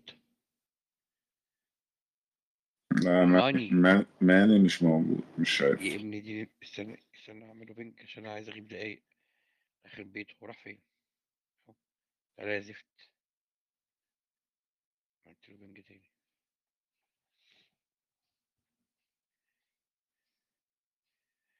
آه. اتفضلوا يا جماعة ارفعوا ايديكم واطلعوا اقعدوا معانا مفيش مشكلة. تكييف فوق تحفة. صح يا فري مايند؟ أيوه أحسنت طبعا أكيد. التكييف هنا حلو ها؟ التكييف هنا أحلى والسماعات آه، الصوت بتاعها أوضح بصراحة فوق. آه، و- و- وال view أنت ممكن تشوف كل القرى المجاورة من عندي من فوق من هنا. مش عايز أقول الإفيه بتاع إمبارح عشان محدش هيفهمه الناس تفتكرني بسف. فبلاش ماني منفض لي استنى أبعت له تعالى.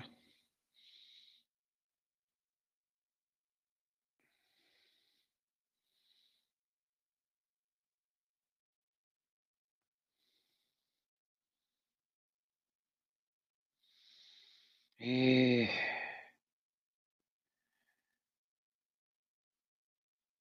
طب يا جماعة اتفضلوا افتحوا المايك قولوا أي حاجة أنتوا قاعدين ساكتين كده؟ تشربوا حاجة طيب؟ السلام عليكم مساء الخير. مساء النور. فري مايند أهلا. إزيك يا فري مايند إيه آه قصة الحمد لله أنا بخير الاكونتات كل. يوم بواحد جديد. على الحساب؟ آه كل يوم آه فولو الفري مايند طب لحظة يا جماعة معلش. باحث أنت موجود طيب؟ أنا موجود آه. عادي تمسك room لحد ما أجي؟ آه، مفيش مشكلة. تمام. هو كده كده ماني بيقول لي ثواني وجاي. OK؟ OK تمام تمام. لو مجدي جه اطرده لو كابتن جيسس جه اطرده ما تديش لحد آه، مودريتور من الأشكال دي خالص. ترودو أيوه ما مجدي يجي ترودو على طول على طول.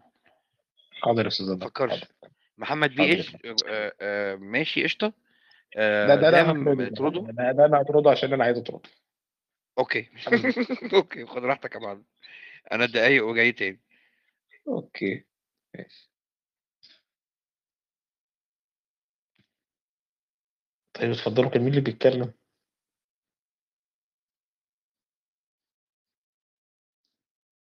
Hello. أهلا يا باحث كيفك؟ أهلا يا أستاذ حياتي إزي حضرتك؟ تمام انت أهلا بيك كنت بسأل فري على ال account لكل يوم account جديد. ومنيح انهم رجعوا لك ال account تبعك يا باحث ما ضاعش. آه والله. الحمد لله إنهم رجعوا. تروسكي رجعوا له جليبيب بال account تبعه أو لا أو حيضلوا ب account خديجة. والله مش عارفين account وطار ومش عارفين هيرجع ولا مش هيرجع ولا ولا إيه. الراجل الراجل اللي كان في الروم ولا كان صاحي ولا كان عامل حاجة. account طار هو إحنا الروم أصلا دخلنا عليها بس مثل audience أنا دخلت لقيت نفسي بالقائمة مثل البقية. يا فندم هو أي حد كان جنب اللي عمل الروم صاحب بنت خالة اللي عمل الروم قريب بنت عم آه، ابن خال صاحب اللي عمل الروم كان بيتحط في القائمة. آه من قريب ومن بعيد. شبهة بس بيدخل على القائمة. آه آه يعني أي حد. لو اسمك شبه اسم حد كان moderator في القائمة في الروم اتحط يا فندم في القائمة على طول. لا بس أنا كان اسمي على القائمة يا جماعة. أنا اسمي جات لي بلغ يعني ناس آه كنت فري ما فيش مم. واحد من ال- الكلاب اللي باينين يعني الجماعة اللي يفوتوا بنفس نفس ال- الرومات وهم ما فيش في القائمة. يعني تقريبا الكلاب كله بالقائمة خصوصا اللادينيين والملاحدة كلهم بالقائمة. هم عملوا ثلاث قوائم كل مرة قائمة. آه والله عملوا عملوا قوائم قد كده. وأنا وأنا اتحط أنا account أنا أول account يطير تقريبا.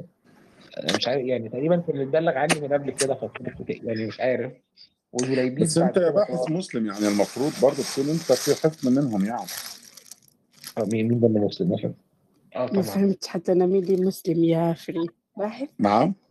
هو باحث مسلم؟ آه طبعا. ما تعرفيش والله أول سلام مره اعرف باحث نفسه مساء النور. Free Mind آه، حابة أبدي إعجابي فيك. يعني أنا في ال Clubhouse تقريبا من سنة. آه، فدايما أنا مستمعة في الغرف آه، غرفكم يعني. وأحلى شيء فيك بصراحة تساؤلاتك لما المسلمين يصعدون يتكلمون لما تدخل مداخلة عميقة وتتساءل معاه وكأنك تحرك العقول والأذهان بس عندي فضول أعرف شنو قصتك معه؟ كيف تركت ال- الإسلام أو شلون ألحدت يعني؟ إذا في مجال تقول. طيب طبعا بعد إذن الباحث ميرسي كتير يا نورة آه، ده شيء يشرفني. آه آه القصة بتاعتي باختصار أنا كنت مسلم ملتزم. ما كنتش مسلم نص نص ما كنتش مسلم. آه يعني كنت من المسلمين ال- الذين ليس على شعبة من نفاق. لو تحب أوضح لك أكتر يعني قلبي كان بيحدثني بالجهاد. آه وتربيت على كده يعني أنا اتربيت في عائلة سلفية بامتياز و... وتربينا من سن خمس سنين وست سنين على صلاة الفجر وعلى آه قراءة القرآن بعد صلاة الفجر. وصوم رمضان بجدية من أول يعني أنا فاكر كنت في أولى ابتدائي وصمت 11 يوم في. يعني وأنا لسه في عندي ست سنين وحاجات من دي يعني. ومن أعتقد من ثالثه ابتدائي يعني من من سن تقريبا 8 سنين أو 9 سنين تقريبا وصمت رمضان بالكامل. الخلاصة إني تربيت على الدين من صغري و آه، آه، كنت مسلم ملتزم يعني. لحد ما آه، ظهرت داعش بال آه، وطبعا زي أي مسلم برضو كنت آه، بقول أو الرد بتاعي إن داعش لا تمثل الإسلام. يعني معروفة إن الإسلام دين الرحمة والمحبة والإنسانية والسلام والوئام وكله وداعش أكيد لا تمثل الإسلام. لكن في العقل الباطن آه، آه، كنت عارف الآيات إنما جزاء الذين يحاربون الله ورسوله أن يقتلوا ويسعون في الأرض فسادا أن يقتلوا أو يصلبوا إلى آخره من الآيات أو السارق والسارقة فاقطعوا أيديهم. آه، كنت عارف الأحاديث اللي فيها رجم الزانية وكل هذه هذا الكلام. لكن برضو ال ال ال ستيريوتايبنج إن الإسلام دين الرحمة كان دي الكلمة اللي بتدور في على اللسان على طول.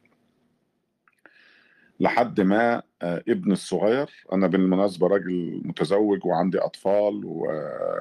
وملتزم ببيتي وعيالي وكده يعني آه، ابني حاليا عنده 20 سنة يعني أنا فوق ال 40 آه، عشان بس تكونوا عارفين. المهم فجاء ابني ووراني فيديوهات لداعش آه، فقلت له طبعا داعش لا تمثل الإسلام آه، كمان يومين وراني فيديو تاني بيحرقوا واحد ومرة بيذبحوا واحد.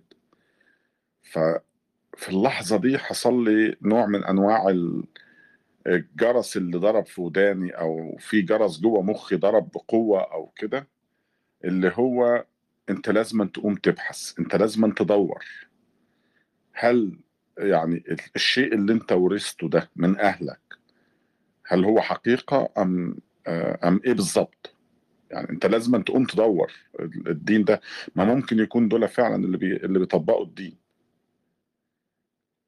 ففي اللحظة دي وقفت من مكاني وأخدت عهد على نفسي إن أنا هقوم وأبحث آه، بصدق وبجدية وما يفرقش معايا النتيجة هتكون إيه.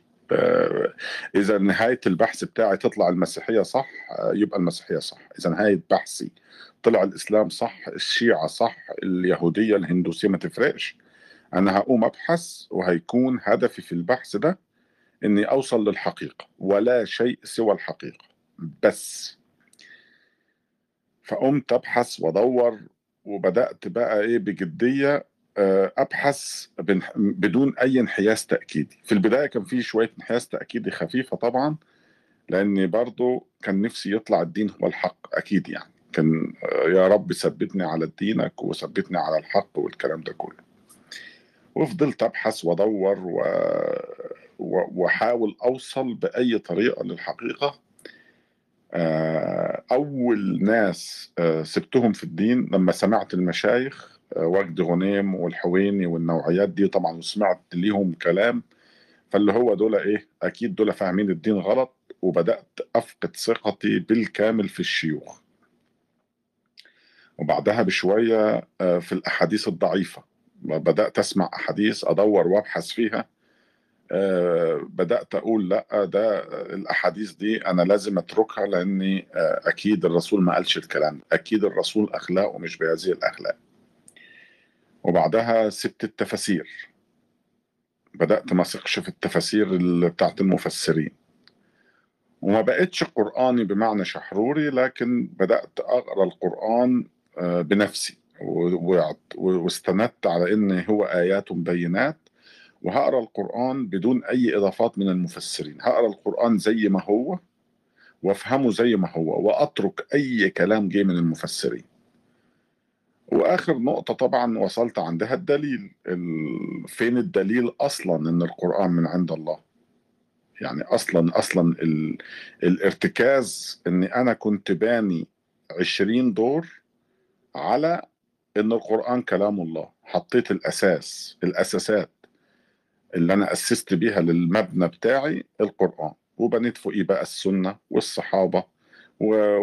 والتابعين والمفسرين. والشيوخ وكنت حاطط باني على. على الأساس ده آه، عمارة كبيرة يعني لحد فوق طبعا أغلبية الحاجات دي وقعت لكن في لحظة من اللحظات بدأت أتأكد من القرآن لقيت إن أنا بنيت كل ده على على الفاضي بنيته على مش على أساس وفي مرة كنت بسمع آه، حامد عبد الصمد بصراحة وهو كان بيقول جرب آه، تقرأ القرآن بدون قدسية. طبعا أنا أول مرة سمعت الكلمة دي اللي هو ده هبل ده ولا إيه؟ إيه هو اللي اقرا القرآن بدون قدسية؟ أكيد لا طبعا القرآن ده شيء مقدس. آه بعد بحث ثلاث سنين أو أقل شوية أو أكتر شوية يعني حاجات في الحدود دي وصلت إني ما احتجتش بعد طبعا بعد مشوار بحث طويل يعني. بس اللحظة اللي اللي بقيت أقرأ فيها القرآن بدون قدسية ما احتجتش خمس دقائق في بحر خمس دقائق بدأت كل آية بقراها في القرآن بلا استثناء. أي آية تخطر على بالكم بدون قدسية بدأت أجد فيها الكوارث. لازما فيها يا خطأ نحوي يا خطأ آه، إملائي يا خطأ أخلاقي يا تناقض آية مع آية أخرى أو شيء لا يستقيم أصلا. يعني أنا دايما بنصح د- جرب. أنا أنا أنا آسف جدا على المقاطعة في آه، أنا حبيبي. ممكن تخليك بس دقيقتين محتاج أعمل تليفون. اتفضل يا ماشي ماشي. أنا جيت أهو جيت. welcome back welcome back فباختصار وجهة نظري ان آخر آه، نقطة كنت واقف عليها آه، كانت القرآن وبعدين بس مش القرآن بالمفهوم القرآني آه، والقطع مش معناه القطع. بس كان القرآن آه، بمعنى بدون تفاسير فقط القرآن بقرأه لوحدي وبفهمه لوحدي. وأكيد لما ربنا يقول كذا يبقى هو بيقول كذا والكلام واضح مش لازم نلف وندور يعني.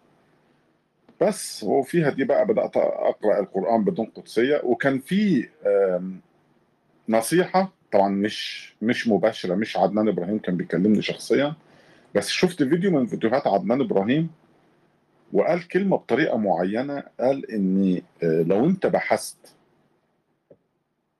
وبنية صافية آه، ووصلت إن الدين صح أو غلط طبعا دي دي من ضمن النقاط اللي شجعتني أبحث يعني إن أكيد إحنا بنؤمن بإله آه، ما هوش إله ظالم هو إله عادل. أنا كنت أتابع الفترة الأخيرة كنت آه، أتابع عدنان إبراهيم وكنت مستانسة فيه صراحة على اليوتيوب. وأنا بس برضه بعدها تركته. بس آه. عندي سؤال آه، خفت أو وقعت باكتئاب؟ عقب ما اكتشفت إن طول حياتك عايش بكذبة إن الأدي- الدين هو دين الصح وإن إحنا رايحين الجنة إذا التزمنا بالتعاليم يعني؟ لا مش ولا شعرت بالتحرر يعني؟ لا شعرت بالتحرر بس كان في شوية غضب بصراحة. يعني بس غضب مني أنا شخصيا. يعني إزاي أنا كنت إزاي أم، يعني كنت زعلان من نفسي. آه، ليه أنا سبت نفسي آه، أتنصب عليا؟ يعني ليه أنا تركت الآخرين يضحكوا عليا؟ فكنت زعلان على ال- اللحظات الحلوة اللي كنت ممكن أقضيها وأعيشها في حياتي. وأنا اللي كنت حارم نفسي من الأشياء اللي كان الدين مسميها محرمات.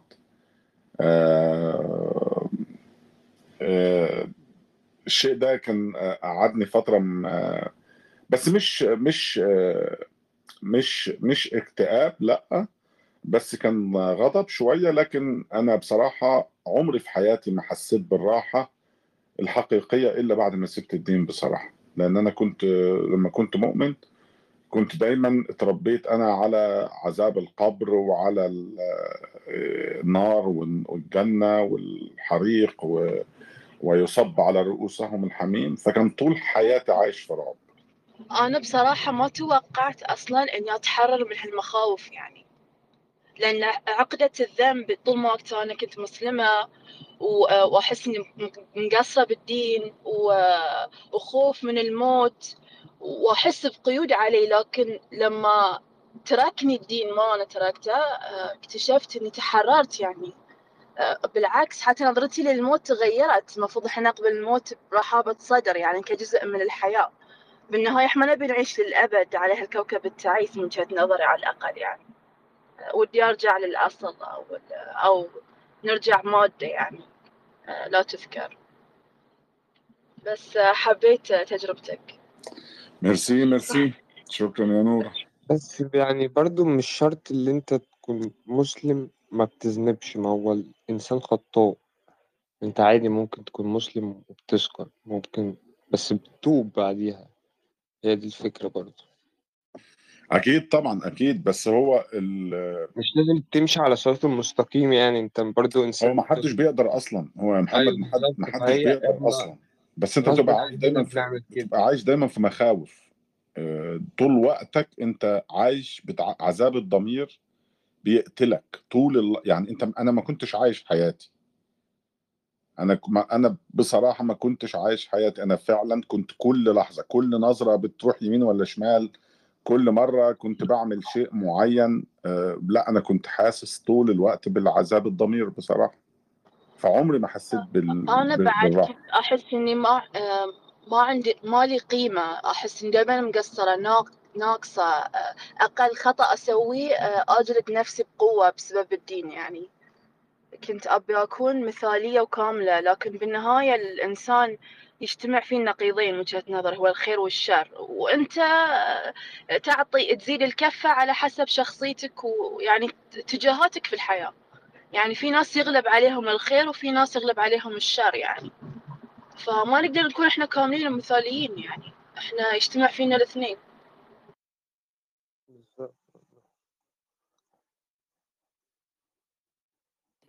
هو أنا أنا عايز أضيف إضافة بعد إذنكم. ال- الحاجات بتاعت الدين هي حاجات غير طبيعية بمعنى آه، كون إن واحد يعرف واحدة أو أو يبعت جواب لواحدة أو يكون في علاقة بينه وبين واحدة هو ده شيء طبيعي جدا وما هواش غلط أصلا. لكن الدين فهمك إن ده حرام. يعني أنا الجزئية بتاعت آه، أنا دلوقتي لا دين ولا ولا أصلا مصدق إنه في إله ولا جنة ولا نار ولا أي حاجة. لكن ده ما بي? الحب مش حرام. ماشي ماشي ما الحب حلال تمام. برضو في الزنا الع... العازب غير زنة المتزوج. تم- تمام. بس أنا قبل قبل النقطة دي قبل النقطة دي أنا قصدت أقول اني أنا فعلا فعلا أنا لا ديني والكلام ده كله مثلا آه، ما بسرقش حد آه، وضد الحاجة دي وأقدر أمسك نفسي عنها. يعني أنا بشوف إن ده شيء طبيعي جدا إن أنا أقدر أتحكم في نفسي من الحاجات بتاعت أذية الآخر لأني فاهمها بالعقل والمنطق إن أذية الآخر شيء خطأ وإن أنا نفسي مش عايز حد يأذيني ومش هأذي الآخر كنوع من أنواع التمني إن ما حدش يأذيني. لكن الأفعال آه، اللي هي بالتراضي آه، اللي هو الدين بيعتبرها غلط مثلا. آه، أنا الحاجات دي عندي مشكلة كبيرة فيها. طب ما هو أنا إيه الأذية اللي أنا أذيتها إذا أنا وواحدة اتعرفنا على بعض وحبينا نتعشى مع بعض؟ طبعا أنت حط كده تحت كلمة نتعشى أي حاجة أنت عايزها.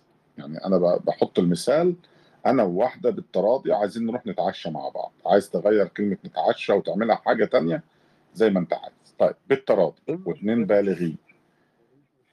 فين؟ إيه نعم المشكلة؟ ال- ما هو من منظور ديني من منظور ديني لا ده في مشكلة كبيرة جدا. من منظور ديني في مشاكل. لكن الفكرة اللي أنا بوصل لها النهارده إن الحاجات دي أنا ما عنديش حد يقنعني إنها غلط أصلا إن أنا واحدة نروح نتعشى مع بعض.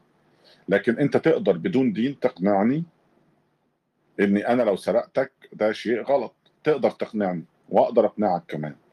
واقدر اقنعك كمان إن الاغتصاب شيء غلط واقدر اقنعك إن الخيانة شيء غلط واقدر اقنعك ان آه، إنك آه، تغش شيء غلط. كل الحاجات دي أقدر اقنعك بيها من خارج طيب الدين. عارف أنت عامل شبه إيه؟ شبه القانون عندنا هنا في مصر. ساعات برضو بيمشي بالدين وساعات في قضايا ما ينفعش فيها الدين فما بيمشيش بيها فاهم الفكرة؟ مش كل حاجة دين دين دين دين أنت مش عشان مسلم تمشي خلاص بس الصراط المستقيم وقعدت على السجادة وبتاع. فكرة مش كده خالص ما هو الم- الموضوع أنا مش عايز أتفرع بس آه، في مفاجأة يا محمد آه، إن الدين نفسه الدين نفسه بيسمح بالسرقة. وبيسمح بال آه، بكل حاجة سيئة بس بمسميات أخرى. فهو ال- ال- الدين اللي إحنا اتربينا عليه بابا وماما علمونا إيه في الدين؟ حاجة وحقيقة الدين حاجة تانية خالص. خالص. الدين نفسه بيسمح بأخذ الغنائم. وده لو عايز تسميه باسمه الحقيقي سرقة بالإكراه. سطو مسلح وسر وسرقة بالإكراه. انت لما تروح على بلد أخرى أو على مجموعة أخرى أو على قافلة أخرى وتروح تخش عليهم بالسيف وتضربهم بالسيف وتقاتلهم وبعدين تاخد الأموال بتاعتهم غنائم فأنا ما عنديش اسم تاني غير سطو مسلح وسرقة بالإكراه. تتكلم على الحروب يعني وكده؟ مش بس الحروب. طب ما الحرب ده شيء طبيعي اللي أنا أدخل؟ يعني لو بحارب واخدت الأرض دي هاخد ممتلكات الأرض. أيوه بس أنت تخش الأرض دي أصلا ليه؟ ناس قاعدة في حالها تروح تحاربهم وتقتلهم وتاخد هنرجع بيوتهم. في قصة تانية وجدال تاني. كده نعم. هنخش في قصة تانية وجدال تاني وهنرجع للتاريخ وبتاع بس تمام. لا لا لا لا لا بس أنا أنا هنا مشكلتي مش في التاريخ. أنا مشكلتي هنا في في المعتقد اللي أنا اتولدت عليه. هذا المعتقد أتباعه بيعتقد إن هم بيقولوا إن السرقة حرام. لكن هم نفسهم كانوا بي- بيروحوا يقتلوا الناس وياخدوا فلوسهم غنائم. ما هو دلوقتي أنت لو أنا سألتك إن أمريكا دخلت العراق وسرقت كل المخزون الذهب اللي في ال- اللي في ال- اللي في البنوك العراقية. الأمريكان دول لما دخلوا وكسبوا الحرب و- واخدوا الذهب اللي في واخدوا الآثار العراقية وسرقوا اللي سرقوه من العراق. هل الشيء ده سرقة؟ هتقولي طبعا. أكيد ده أمريكان ولاد 60 في 70 وسرقوا ال... ال... ال... ال... ال... ودمروا البلد اللي اسمها العراق. طيب. المسلمين لما دخلوا مصر واخدوا ال ال ال الغنائم واخدوا الجزية إيه؟ واخدوا كل مصر ده صح؟ نعم. مصر كانت إيه؟ مسيحية صح؟ مش مسيحية بس كانت ال ال- النسبة الأكبر فيها مسيحيين طبعا. آه. نعم. تمام. فإحنا في القرآن عندنا المفروض اللي إحنا معترفين بال بالمسيحية بس نزل نزل ربنا نزل الإسلام بعد المسيحية فهو في أيام الحرب ده هو كان بيط... دخل يفتتح. إحنا دي... إحنا دين جديد وجاي من عند ربنا إزاي برضو ما جاي من عيسى عيسى النبي برضو فأنت يا تسلم يا تحارب. فهو يا محمد يا محمد يا محمد محمد اقف اقف عندك. وهنا لو العكس برضو لو مثلا طب افهمني افهمني بس. طب البهائية جت بعد الإسلام يا محمد. في في ديانة اسمها البهائية بتدعي إن هو الرسول اللي بعد النبي محمد. هل إحنا هل أنت البهائية المفروض تيجي عليك وت وت وت وتلغي الإسلام وتدخلك بالسيف بال- في في في الديانة البهائية؟ ما حاليا اللي يقدر يعمل كده يعني. أوكي. بقول لك حاليا اللي يعرف يعمل كده يعني. طيب بص يا محمد آه هوضح. عشان أنا الحوار ده في مهمة قوي في ما هو في, م... هنكسبه مع بعض. تمام. في نقطة مهمة يا محمد عايز ألفت نظرك ليها. بصرف النظر عن البهائية والموضوع ده. الفكرة بتاعتك انت في الإسلام عن المسيحية أنا مش مسيحي وعمري ما كنت مسيحي ولا عمري اقتنعت بالمسيحية بالمناسبة لكن ده مش كونك إنك انت بتقول جه الرسول بتاعك فقال لك إن عيسى هو نبي الفكرة دي كل ما النبي صلى عليه آه اللهم صل على سيدنا محمد. ال- الفكرة دي هي فكرتك انت عن المسيحية. بالمناسبة هرجع تاني للبهائية لأن الفكرة البهائية بتقول إن محمد نبي وعيسى نبي فعلا بس محمد ما هوش خاتم الأنبياء بمعنى إن هو آخر الأنبياء. هو خاتم الأنبياء بمعنى إن هو الخاتم اللي بيتلبس في الإيد بتاع الأنبياء. لا لا هو خاتم آخر واحد أشرف المرسلين آخر واحد. اسمعني طيب افهمني افهمني افهمني. أنا بحاول أوضح لك. تمام. أنت ك آه ك ك كمسلم فكرتك عن المسيحية المسيحيين لو سألتهم هيقول لك أنت كلامك غلط. إحنا عيسى مش نبي عندنا هم هم ما يعرفوش عيسى أصلا. ربنا عندنا. هو ربنا عندنا و... و... و... وأنت كلامك غلط. اللي أنت حكيته عننا غلط. نفس أنا الكلام ممكن أجيب لك البه... يقول لك آه، عيسى ربنا وواحد تاني يقول لك ابن ربنا. ما هو ما هو بالفكر المسيحي موضوع متلخبط بس اللي هو ابن الله وهو الله في نفس الوقت. دي دي دي دي, دي جزئية أنا مش مهتم بيها. المسيحيين أنا بالنسبة لي دينهم خرافة آه إلى أبعد الحدود. بس ده مش سؤالي أنا سؤالي. في فك فكرك أنت عنهم هو فكر خاطئ؟ زي ما أنت البهائية لما هتيجي تقول لك إن محمد هو الخاتم زي ما موسى هو الأسورة وعيسى هو السلسلة محمد هو الخاتم. مش بمعنى الخاتم الأخير. واخد بالك؟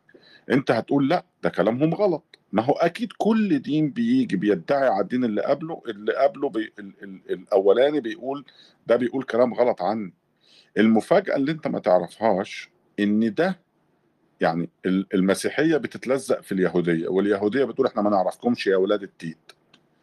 جات المسيحية جاء الإسلام قام متلزق في المسيحية. فالمسيحية بتقول له يلا غور من هنا إحنا ما نعرفكمش يا أولاد التيت. جات البهائية قامت لزقت نفسها في اللي قبلها. فقالوا لها برضو إحنا ما نعرفكمش يا أولاد التيت. كل ما في الموضوع إن كل واحد كل دين من دول بيجي بيتمسح في اللي قبله وينكر إن في حد هيجي بعده.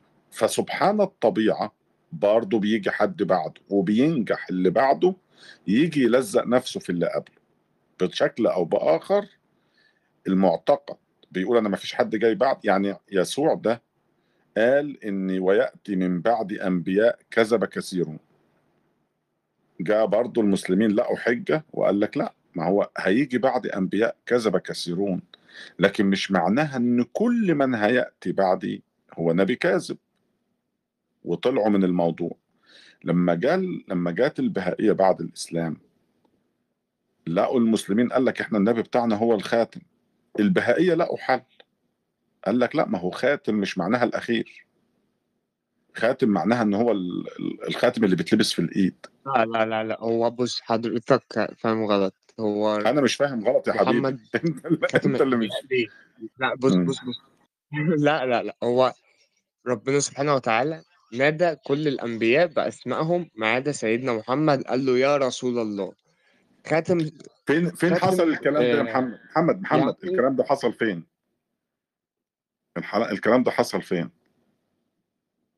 حصل فين في القرآن أنت اقف استنى استنى حلو جدا في القرآن. القرآن ده مين اللي جابه لنا؟ ده بيكلم يا محمد اسمعني. بيكلم يا محمد اسمعني. افهمني يا حبيبي. بيكلم القرآن ده القرآن ده مين اللي جابه؟ أول وحي من من عند الله الوحي. محمد أيوه بس إحنا ما شفناش الوحي صح؟ صح؟ إحنا شفنا الوحي يا محمد إحنا شفنا الوحي وهو بيدي القرآن لسيدنا محمد. جميل. ف... فاللي... ف... فاحنا إحنا أنا وأنت أول واحد شايفينه قدامنا من البشر ماسك القرآن هو نب- سيدنا محمد. صح؟ أول بشر على كوكب الأرض كبشر كان في إيده أو يعني على لسانه نطق القرآن هو سيدنا محمد. تمام. مظبوط كده؟ طيب. تمام. ما هو كل ده ما هو كل كل ده ده أنا ما كل ده شفتوش أنا استدلال دائري. شفتوش. اقتنع بيه حبيبي إزاي؟ أقول لك أنا اقتنع بيه إزاي طيب. اتفضل. أنا كل ده ما شفتهوش ويعني استغفر الله العظيم ما شفتش ربنا ما شفتش سيدنا محمد. من غير ما هنا تستغفر كلنا بقى ما شفناش ربنا. المصايب في القلب هنا إما باجي أصلي أو بطلب حاجة من ربنا وتتحقق. هنا تعرف في ربنا ولا لأ. متأكد؟ استنى استنى ما استنى استنى. استنى مع استنى استنى بكلم استنى ربنا استنى. أنت لما بتدعو ربنا في حاجات بتتحقق؟ أيوه أيوه أيوه أيوه. يا فما راجل لو بص بص لو ع- بتعرف ناس في ال... في السحر أو الكلام ده هتلاقي لا أنا ماليش دخل بالسحر أنا ليا دخل محمد محمد محمد اسمعني اقف اقف استنى يا محمد محمد يا حبيبي استنى انت أنا ماليش دخل بالسحر انت بتقول ان لما بتدعي ربنا ربنا بيستجيب أيوه طبعا طيب إيه رأيك بقى أنا عايزك تدعي ربنا انه يحرر فلسطين من ايد اليهود أنا عايزه هيتجاب لي ما هي مش الحوار مش عندي لا لا لا لا لا لا لا لا لا أنا مش عايز أنا عايزك أنا عايزك تدعيه يحرر فلسطين من إيد اليهود. إيه رأيك؟ يا رب ما هي ديت قصة برضه لو حضرتك عارفها اللي هيجي رسول يحرر آه يعني ربنا ما يقدرش عليها دي. دي لازم يجي لها رسول. لا ما هي ما هو ربنا اللي هيبعت الرسول. أيوه طب يعني ما تدعيه إنه إنه ينجز ادعيه إنه يخلي الرسول يجي ما هو بتاعه بقى شبه يوم القيامة كده الوقت ده طب ما ممكن يكون يا محمد الموضوع ده كله خدعة يا محمد. يعني ما هو اللي أنت بتقوله ده دلوقتي إن هو ما هي خدعة لو الحاجات دي ما بتحصلش. بص يا باشا. ما هي ما بتحصلش يا لو محمد. ما أنت ما أنت من ما أنت من ورا بص السماعة ما هي دلوقتي اللي في القلب دي يا محمد ما حدش هيحسها غير البني آدم. يا محمد. محمد ما هي ما هي أنت دلوقتي من ورا السماعة بتقول إن أنا بدعوه بيستجيب لي. أنا شخصيا آه، سن أكبر من سنك وفضلت مسلم 39 سنة في حياتي. وكل الحاجات اللي كنت بدعوه يعني بدعوه ليها ما كانتش بتستجيب. إلا الحاجات اللي أنا نفسي بقوم أعملها. يعني كان بدعي إن أنا أنجح بس ما كنتش بنجح إلا لما بروح أذاكر. تمام ما هو ليست للإنسان إلا ما سعى. ما هي الحاجات دي ما هو يبقى ده كده الدعاء ما منوش فايدة. ما هو وإن للانسان ليس للإنسان إلا ما سعى. يبقى الدعوة ما منهاش فايدة أصلا.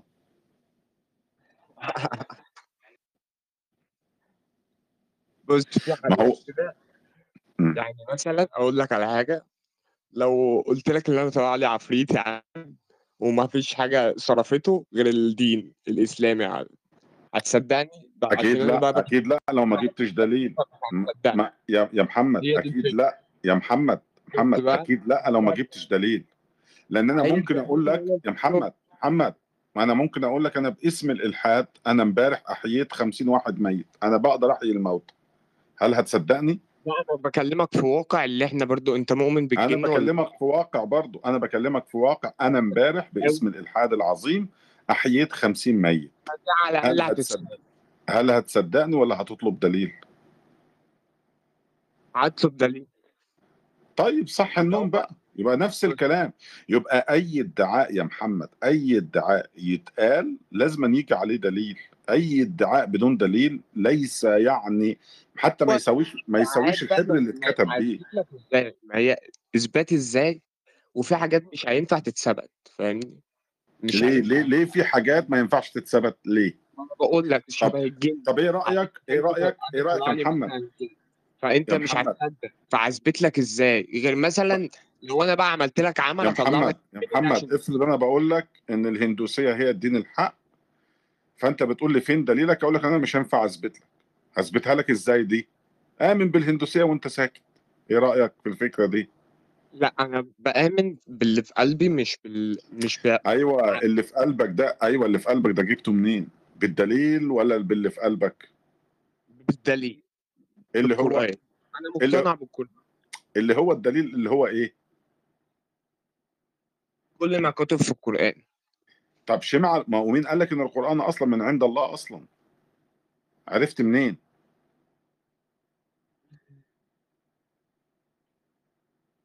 يعني فين الدليل بتاعك إن القرآن من عند الله؟ عرفت من شوية لما أنا كنت بتكلم وقلت لك إنك أنت ال- المسلم ده باني كل حاجة على على الأساس اللي هو القرآن والقرآن ده أصلا ما فيش دليل إن هو كلام الله أصلا. حضرتك مطالب بالدليل تقول تجيبه لي إن القرآن كلام الله. اتفضل. خلصت كلامك يا كبير؟ بص. حبيبي يا أبو حميد خلصت طبعا. القرآن في ناس في ناس كتير إحنا سبعة مليار على الك- سبعة مليار على الكوكب. مش شا... مش زي الناس مش كل الناس زي بعضها صوابعك مش زي محمد بعضها. محمد محمد القرآن كلام الله. أنا عايز دليل سيبك من كلام ال- كلام أنا الله. عايز أنت بتجاوب على القرآن كلام الله كده؟ أيوه بالظبط آه اتفضل. يلا اتفضل. لأن أنا عايز أسمع الدليل. أنا عايز أسمع الدليل إن القرآن كلام الله. الدليل. الدليل الدليل كلنا البشر كلها تعرفه في يوم ما. تمام؟ فأنا م- مش شغلتي اللي أنا أوصل لك الت- الدليل. فالدليل روحانية. فأنت الدليل روحانية شبه اللي في حاجات في الدنيا دي مش هينقذك منها غير إلا الإسلام. زي في حاجات إيه؟ معينة لما زي تدخل إيه؟ فيها زي مش إيه؟ زي هينقذك إيه؟ منها غير الإسلام. إيه إيه الحاجات اللي مش هينقذني منها؟ شبه آه، في العفاريت. نعم؟ لو جربت العفاريت هتعرف ال... هي هي في حاجة اسمها عفاريت أصلا يا لا محمد؟ في عفاريت لا في عفاريت. فين دليلك؟ فين إثبت دليلك لي إن في عفاريت؟ هي إثبت لي هتقول لي إثبت لي برضه. آه هثبت لك طبعا. ما هو ما هو يا محمد يا محمد أنا بقول لك إن في حاجة شبركون اسمعني يا محمد.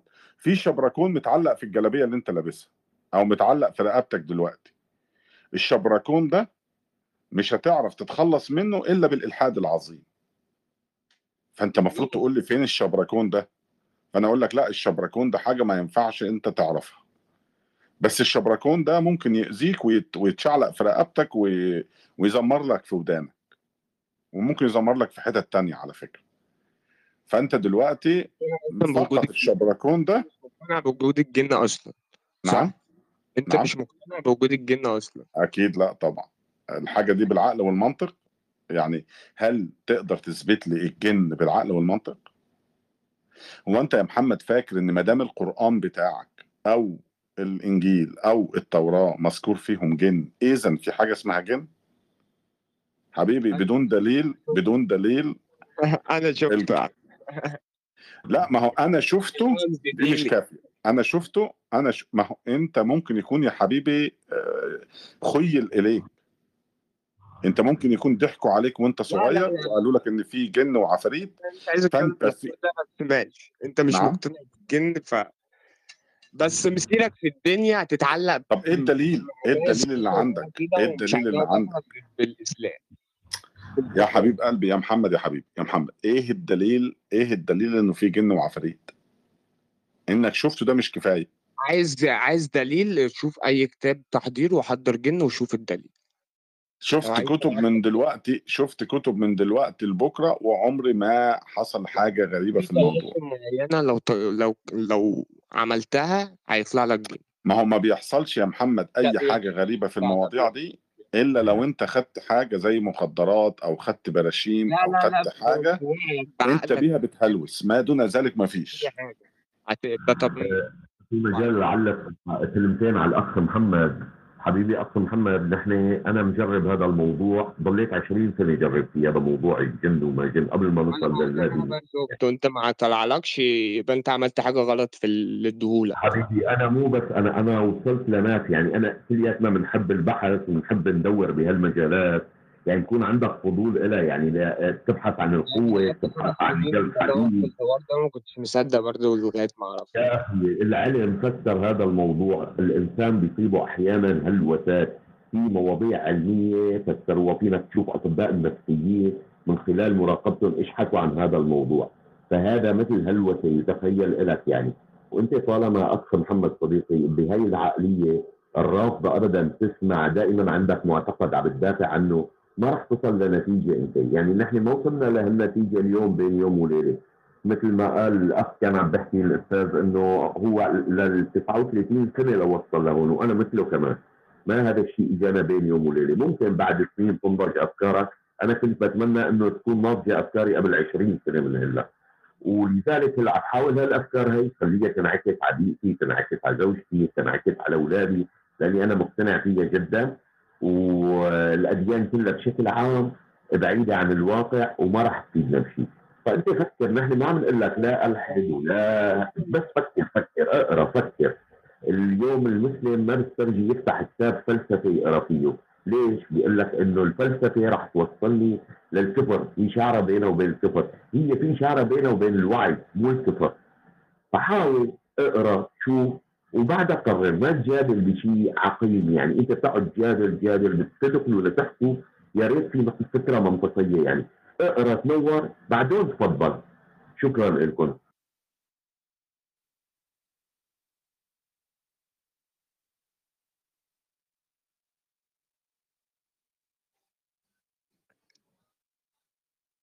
طيب.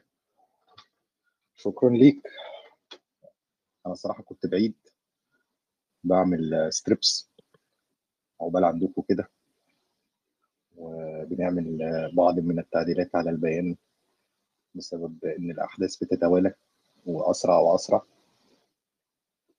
فلو في حد عنده مشاركة يتفضل أو حد من حد من الناس اللي كانت موجودة تحت وسمع النقاش الأخير عايزة تضيف فيه اتفضل. في باشا طلاسم معينة لو قريتها بلاش الطلاسم عشان الطلاسم دي حاجة كبيرة جدا فبلاش الطلاسم. اقرأ عن الجن. طب محمد أستأذنك أستأذنك. تاخدني كمثال وتقرأ عليا الطلاسم و... و... لا لا ما أقدرش طبعا. لا ده أنا عايز أنا ما... أنا محتاجه والله. أنا مش شغلتي وما أقدرش أعمل كده. طب ما أنا ما, ما أنا مش هعرف. الحوار ده وغلط. اعزيك يعني دي مش حاجة حلوة. يا, يا عم لأ أنا أنا في سكتي للانتحار فأنت مش هي هتأذيني قوي برضه مش من مايك التليفون هقدر أدي لك طلسم فأنت ت- يحصل لك حاجة. لا أبعت لك اسمي واسم والدتي و... وتاريخ ميلادي وتاريخ ميلادها وشعر وكل الحاجات اللي يطلبها الراجل أنا تحت أمرك يعني. ماشي أصل دي هتفرق معايا في حضرتك الآخرة لأن أنا أنا لو أمنت بوجود جن وبتدخله في حياة البشر ممكن اؤمن بعديها بوجود ملائكه ووجود أنبياء ووجود كل حاجة. يعني الموضوع ده أنا خدته وأنا صغير بس ما عرفوش يثبتوها لي فربنا بعتك ليا دلوقتي يمكن عشان تثبتها لي. فعلى الخاص كده قول لي وأنا بعت لك اسم اسمي وعنواني و... يمنعني ان أنا أقرأ عليك طلسم ولا الكلام ده؟ عشان أنا برضو أنا كشخص اتأذيت من الكلام يا أخي أصل يا عمرو يا عمرو أصل أصل أصل أصلا الحاجات دي حرام. يعني هو برضو ما لا ما ينفعش هي أصلا ديني حرام بس أنا جربتها بالظبط واتأذيت منها وما لقيتش اللي يسلق اللي يسلمني غير طب يا الإسلام. محمد يا محمد أنا عندي حل أفضل من ده كله عندي حل تمام. أفضل من ده كله. إيه رأيك؟ أنت تعرف يا محمد في القرآن إن في قوم من بني إسرائيل طلبوا يشوفوا الله جهرا. عارف حصل لهم إيه؟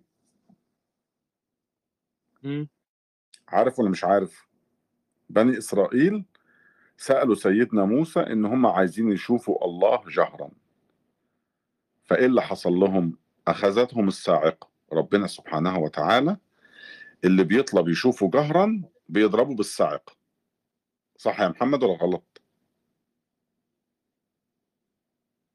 برضه كان بياكل ببلاش هو القصة دي اللي هي ربنا كان بينزل لهم أكل كل يوم. أيوه. جاب لهم المن والسلوى وال- والحاجات الحلوة دي. بس هم طلبوا يشوفوا الله جهرا فأخذتهم الصاعقه صح كده؟ امم بالظبط. طيب. طيب بص يا محمد أنا بطلب أشوف الله جهرا في اللحظة اللي أنا بكلمك فيها دلوقتي. فعندنا حل من اتنين. يا إما الله ليس إله عادل. زمن المعجزات وقف. ما فيش معجزة تحصل دلوقتي. طب اصبر عليا طيب. خلينا نكمل الفكرة بس. تمام. فاحنا عندنا حل من اتنين. يا إما الإله ظالم لما في ناس طلبوا يشوفوه جهرا قام ضاربهم بالصاعقه أنا طلبت أشوفه جهرا فما ضربنيش بالصاعقه يبقى هو مش إله عادل. ده حل. له أكل على فكرة نعم. أكل الناس دي. يا محمد اسمعني طب خلينا نكمل الفكرة بتاعتي بس. ماشي ماشي ماشي معاك. إحنا عندنا إله لما بني إسرائيل طلبوا يشوفوه جهرا قام ضاربهم بالصاعقه أنا Free Mind بطلب أشوفه جهرا ما ضربنيش بالصاعقه أنا على فكرة بتكلم عشان أثبت لكم لأن لو المايك اتقفل عندي ممكن الناس تقول أهو شفتوا أهو اتضرب بالصاعقه و... و- ومات. لكن أنا فاتح المايك مخصوص. رب الصاعقة ولا أي حاجة هتحصل عشان زمن المعجزات وقف. هي دي إيه إيه العلاقة؟ إيه ال- عرفت منين إن زمن المعجزات وقف يا أستاذ محمد؟ ما هو ربنا بعد موت سيدنا محمد وقف المعجزات. عرفت منين؟ هو سيدنا محمد قال إن ربنا هيوقف المعجزات بعد ما أموت المعلومة دي جبتها منين يا محمد؟ إن ربنا هيوقف المعجزات بعد موت الحبيب المصطفى. لك النص نعم. ماشي. نعم. دقيقتين أجيب لك النص على مهلك أوكي. خلينا أنا أكمل كلامي وأنت إيه؟ وأنت أنا وأنت هات النص جميل جميل. ماشي. طيب إحنا عندنا مشكلة يا جماعة. كون إنه في ناس مجموعة من البشر يطلبوا يشوفوا الله فتضربهم الصاعقه وناس تانيين يطلبوا يشوفوا الله جهرا فما تضربهمش الصاعقه إحنا عندنا هنا مشكلة في ال- ال- المعايير. في هنا عدم عدل. ده حل من الحلول. الحل رقم اتنين إن ممكن يكون القصة ما حصلتش أصلا. يعني احتمال وارد يكون ال ال ال ال الإدعاء ده اللي مكتوب في القرآن إن بني إسرائيل طلبوا يشوفوا الله جهرا فضربتهم الصاعقة أصلا ده ممكن يكون آه، ده كلام حبر على ورق وما حصلش أصلا. فإحنا عندنا حل من اتنين. يا القصة كلها كذب في كذب وهنا هيبقى, هيبقى نقول القرآن كتاب بدا يحوي بداخله كلام آه، خطأ كلام مش صحيح أو إن الإله إله غير عادل. بعدين الأستاذ محمد قال كلمة غريبة جدا. أصلي الله قال بعد موت النبي محمد مفيش معجزات. طب ما نفس المشكلة ما اتحلتش يبقى برضه إله ظالم. الإله اللي بيبعت معجزات لمجموعة من البشر ومجموعة أخرى ما يبعت لهمش معجزات أيضا إله ظالم. يعني لو افترضنا جدلا إن كلام الأستاذ محمد صحيح فعلا كان في معجزات لحد ما كان النبي محمد عايش أول ما مات النبي محمد المعجزات وقفت. جبت لك النص تسمعه إيه، اتفضل. يلا اتفضل.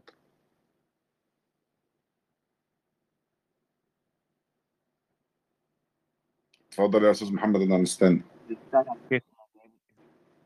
طب قول لي رقم الآية من أنهي السوره أو اقراها لأن أنا ما شفتش حاجة بصراحة لحد دلوقتي. ده هو الشيخ خالد الجندي بيتكلم. ماشي. إيه هو النص بقى؟ ما هو المفروض هيقوله دلوقتي بس النت تمام. ما فيش مشاكل. على مهلك خالص.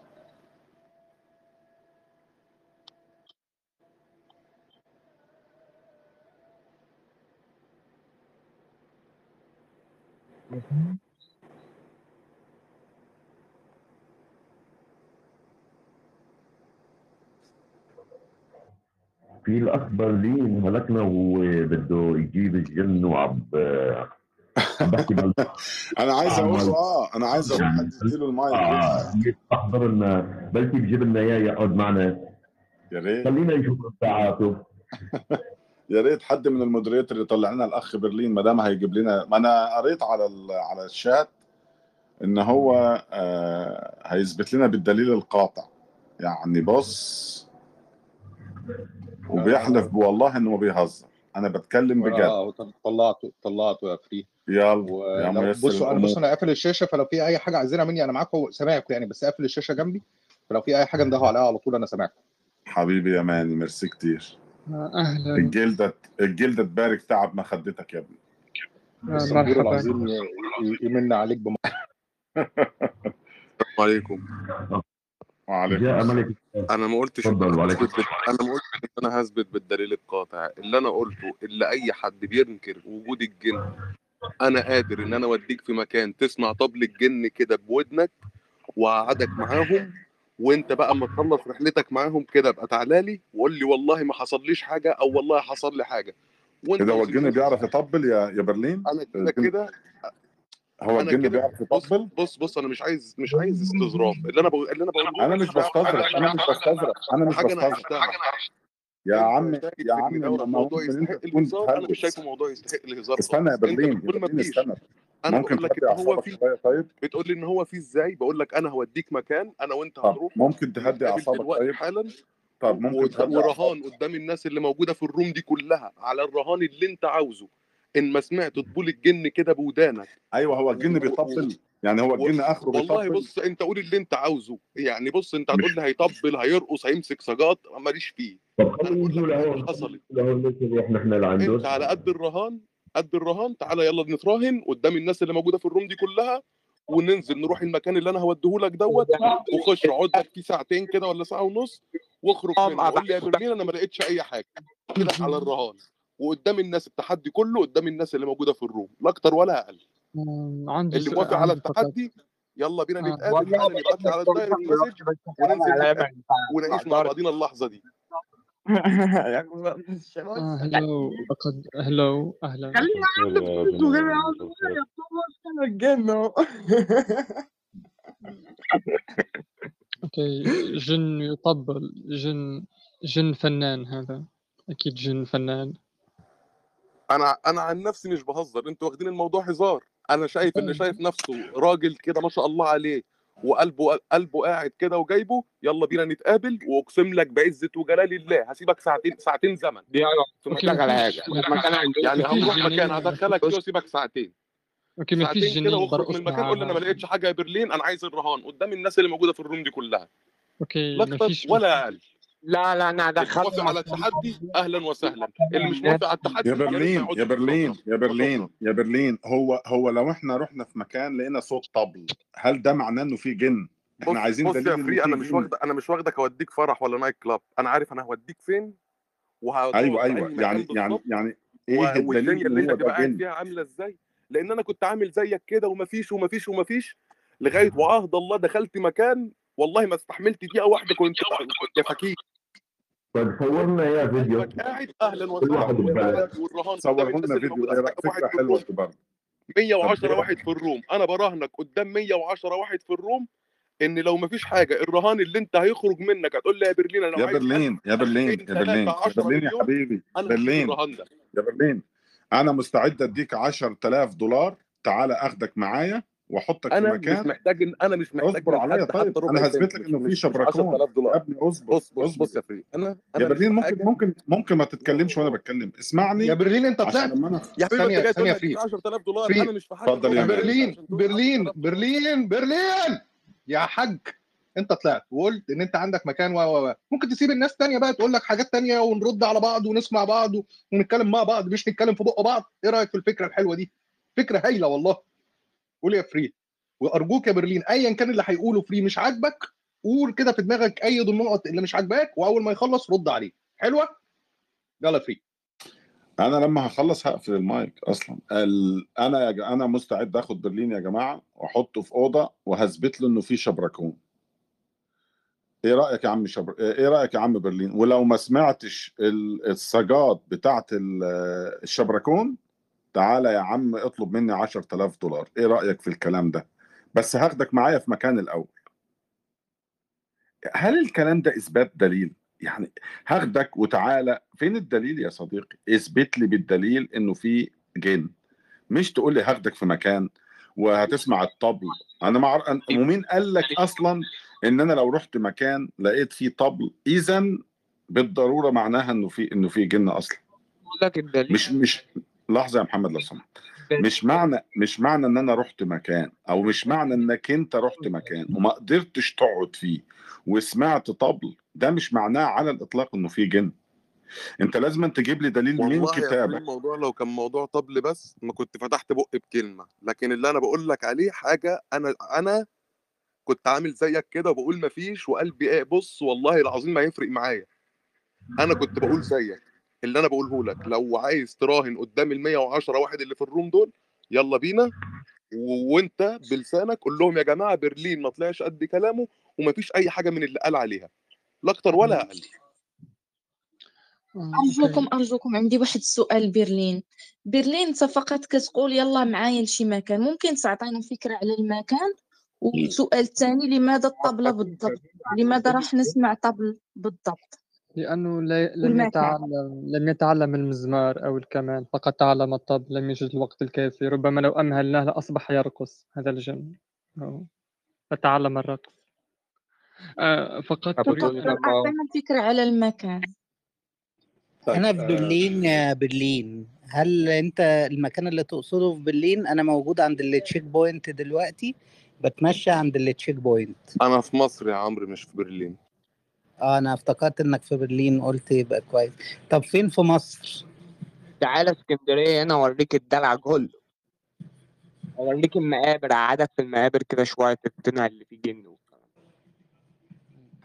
أنا عشت في اسكندرية ورحت المقابر ما شفتش حاجة. بص يا عمرو بص يا عمرو أنا أنا بعدتي إن أنا الحمد لله وشكر لله والله في سما لو إيه ما, ه... ما فيش حاجة هتهزني. لو لو بتقول لي هتموت من دوت هقول لك يلا رقبتي أهي مش فارقة. لكن اللي أنا عشته لمدة دقيقتين والله ما في بني آدم هيستحمله. أنا بقول لك أنا مجرد دخل يعني المغاره اللي إحنا دخلناها دي إحنا يعني ولا أي حاجة عادي خالص. ومكان في حلوان مش بعيد ولا بتاع لأ في الجبل بتاع حلوان. ادخل كده المغاره واقعد. لو عرفت تقعد ساعتين الرهان اللي انت تقول لي عليه والله لو قلت لي عايز مفاتيح عربيتك أقول لك مفاتيح عربيتي أهي. اللي انت نفسك فيه أنا موافق. طيب هي المغاره ما حد؟ ممكن من و10 شباب واحد اللي في برلين أنا أنا مش عايز أروح أودي نفسي من غير على حاجة ثواني يا شادي ثواني يا شادي ثواني يا شادي. برلين أنت بتطلب دلوقتي دعوة إن الناس تنزل تتحرك وتروح لمكان معين وتروح معاك. أنا ما طلبتش أنت من عارف وأنا الناس عارف. كلها أنا ما طلبتش من الناس كلها أنا طلبت من يا سيدي فرد واحد. فرد ما هو الفرد ده أصلا مش في مصر. هو يجي أهلا يا وسهلا. سيدي غير كده صبرك عليا صبرك عليا صبرك عليا يا برلين فأنت علشان تقول لي تعالى نروح المكان ده قول لي أنا المكان ده لما هتروح هيحصل واحد اتنين تلاتة وده حصل معايا وبناء عليه التفسير الوحيد إن ده جن. أنت لغاية دلوقتي ما قلتش أنت قلت لما تروح هتكتشف. أنا إيه اللي يخليك؟ معايا طب ماشي كلام حلو قوي أنت ما قلتش حاجة أصلا يا برلين. ما تحكي لنا كده التجربة. أنت ليه خايف تحكيها؟ مش انت بتقول ان هي تجربة مقنعة 100% علشان تجربة زبالة قوي يا ماني. تجربة زبالة زبالة. ماشي احكي يا سيدي ما إحنا ما فيش حد هيتحرك على الكلام. انت لغاية دلوقتي ما قلتش حاجة سمك في مية. بص يا ماني. انت لغاية دلوقتي ما قلتش حاجة. احكي لنا كده أنا يعني دخلت المغارة قعدت أول ما قعدت حصل واحد كنت اتنين تلاتة. يلا هم. كنت في ثالثه جامعة من حوالي مثلا خمس سنين. شلة صحاب كده.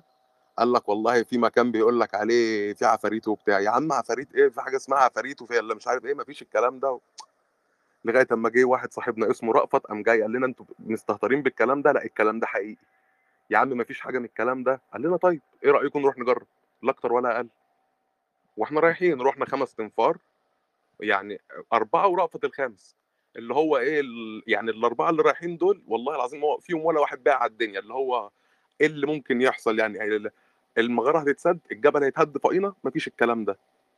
دخلنا في المغارة ورأفت قام واقف بره قال لنا بصوا مغارة قدامكم أهي موبايلاتكم معاكم شغلوا الفلاش وخشوا بس كده إيه امشوا لكم بتاع 200 خطوة لجوه. واقفلوا الموبايلات واقعدوا وامسكوا ايدين بعضيكم وشوفوا الدنيا هيبقى فيها إيه. والله والله يا ماني والله إن معدي دقيقه ونص ولا دقيقتين إحنا حرفيا عارف أربعة زي المجانين بيصرخوا وبيجروا. الحقونا الحقونا الحقونا. إحنا شفنا العجب إحنا شفنا حاجات بتنور وتطفي شفنا حاجات طويلة حاجات قصيرة حاجات حاجات مريبة حاجات استغفر الله ما تفكرنيش بيها ما تفكرنيش بيها بس إيه أنا خلصانه حاجات طويلة وقصيرة وحاجات بتنق معلش برضو بالراحة والله يا ماني أنا إحنا الكلام ده حاجات حاجات كده يا ماني عارف أيوه. زي الفلاش كده مرة واحدة حاجة تنور قدام آه. وشك كده. آه. ما تفهمش هي إيه. تلاقي مرة واحدة في شعر على إيدك كده ما تعرفش جالك منين. تسمع صوت طبل ما تعرفش الطبل ده جالك منين. وإيه بقى مش اللي هو مثلا دوت بعد دوت بعد دوت لأ ده في نفس ذات اللحظة. بتلاقي مرة واحدة حاجة تقوم مطبشانا إحنا الأربعة في بعض. طب هو في إيه؟ ما إحنا عايزين إحنا إحنا طلعنا جرينا. مم. يعني رأفت رأفت حرفيا اللي واقف بره كان أول واحد بيجري فينا أول ما لقانا اسكندرية؟ جايين جري. برلين عندنا في اسكندرية عمود السواري. عمود السواري لا ثانية يا محمد ثانية يا محمد بس قبل عمود السواري ده ده لسه إحنا هنفتح قصة ثانية استنى بس يا محمد صبرك عليا.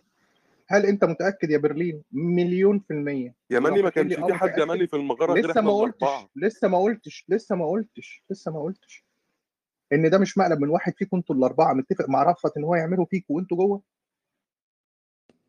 إيه دليلك على إن ده مش هو اللي حصل؟ والله يا ماني لو في مقلب أيوه مش أيوه. هنخرج إحنا الأربعة بمعنى ليه؟ ما هو ده كده مقلب. إحنا ليه؟ ما هو الأربعة ده مقلب. وهو بيمثل عليك. هو متجمدين. مقلب وبيمثل عليكم. إيه المشكلة في كده يعني؟ بص يا ماني أنا يا جماعة أي حد عايز يتكلم في الموضوع ده يتكلم أنا هقعد أسمعكم بجد لأن لا أنا طيب. شكرا يا محمد. شكرا يا برلين. اتفضل بقى يا محمد أنت أنا عندي كلمتين بسرعة. لحظة يا محمد. أنا عندي كلمتين في الموضوع ده الأول. أول حاجة مش بس مش بس مش مش بس مقلب. هو ممكن مقلب وممكن يكون في مطاريد أو مطاريد بمعنى ناس قاعدة جوه واخده المكان ده. وهقول لك ليه الموضوع ده. هقول لك ليه. أول حاجة إن وارد يكون في ناس مستخبية من الحكومة في المكان ده. احتمال وارد جدا على فكرة. يبقى مش هحكي لك على حوار في عمود السواق هحكي لك على حوار تستنى يا عم محمد لما أخلص كلامي طيب لأجل الحبيب إزيك يا روبي منوره الدنيا؟ هلا والله. بس أنا يا ليت تعطوني فرصة. عندي آه، أكيد يا يعني روبي اتفضلي طبعا. بالنسبة لك لا تفضل كمل بعد. حبيبتي يا روبي نستأذن من ماني طبعا. طيب. ال- إحنا يعني آه، ال- القصص دي عندنا في الصعيد ودايما الموضوع مرتبط إحنا وعيال صغيرين بيبقى دايما آه، أخوك الكبير عايز يروح يدخن سيجارة مع أصحابه فيفضل يخوفك من المكان البعيد ده من العفاريت ومن الجن عشان هو عشان أنت ما تشوفوش وهو بيدخن سجاير. لما كبرنا شوية نفس الموضوع ده بيستخدم بنفس الطريقة للناس اللي هاربين من الحكومة الناس اللي عليها طار الناس اللي عليها أحكام الناس اللي بتخش أماكن معينة ومش عايزين حد يروح وراهم هناك الناس اللي سارقة حاجات ومخبياها في أماكن معينة. فدايما بيطلعوا إشاعات وبيطلعوا حوارات وبيعملوا حاجات آه، بيكون فيها خداع لل- للآخرين. وال... أنا آسف الكلمة دي مش قصدي فيها شتيمة خالص. السذج بتخيل عليهم الحاجات دي بسرعة جدا وبيصدقوا بسرعة جدا إن في عفاريت وفي جن والكلام ده كله. ومجرد إنك أنت أصلا بتصدق ال- الشيء ده موجود ومجرد إنك أنت بي بي وبيجي واحد يقول لك ده الموضوع ده بجد وأنت تقول له لا مش بجد وبتاع مجرد ما بتيجي عصفورة جنبك تصوصو أكيد. بس أهو ده هو الجن. اللي اللي اللي فيكم عايز يعرف أكتر يعني مش لازم يعرف أكتر يفهم الفكرة.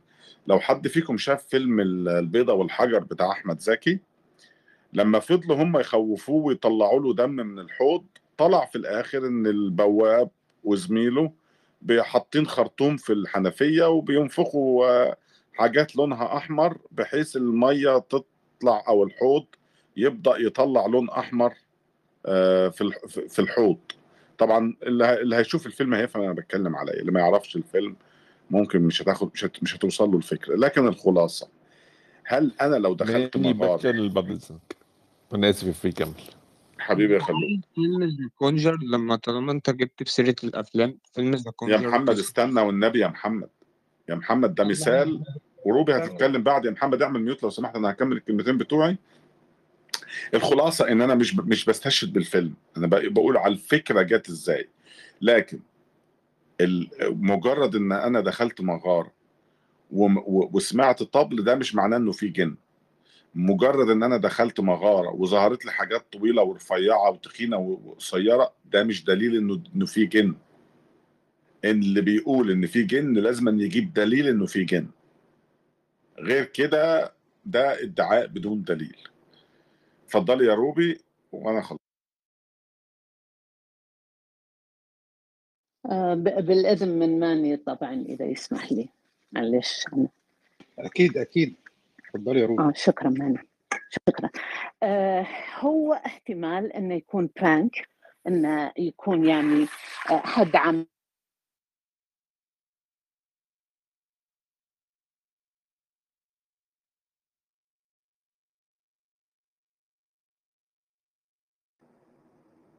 هو صوت روبي بقى؟ يعني تليفون.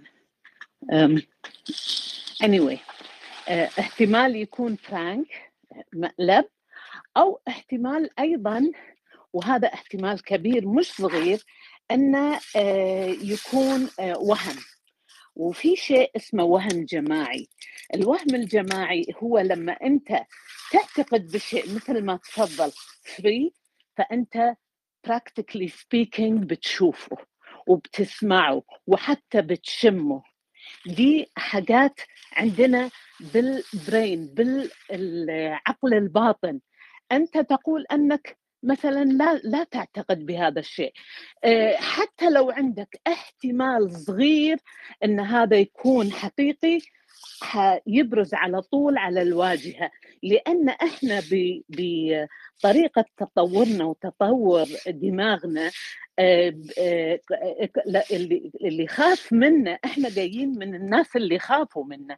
فلما كانت الأيام القديمة في أيام ال- بالسافانا لما كان في كائنات اللي قبلنا جو آه، لما يشوفون حركة بالأشجار أو بالعشب فهم إذا اعتقدوا أن مثلا مجرد هواء كانوا راشنال كانوا منطقيين واعتقدوا فقط أن هذا هواء ف آه، وطلع حيوان مفترس فهو آه، توفى.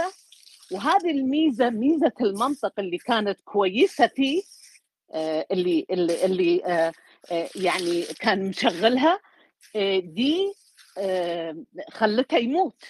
ما يا ساعدته على البقاء انت ليكي تجارب مع الجن مالكيش آه. تجارب انت أنا عندي مالكيش تجارب تجارب مع الجن مش عارفة لا أنا عندي لا خليني أكمل خليني طب قولي أكمل. لي كتاب مثلا ده قريتيه موضوع عن الجن ثاني لا تطلعنا منه. ما أنا هو أبي أقول لك شنو قاعد يصير حبيبي.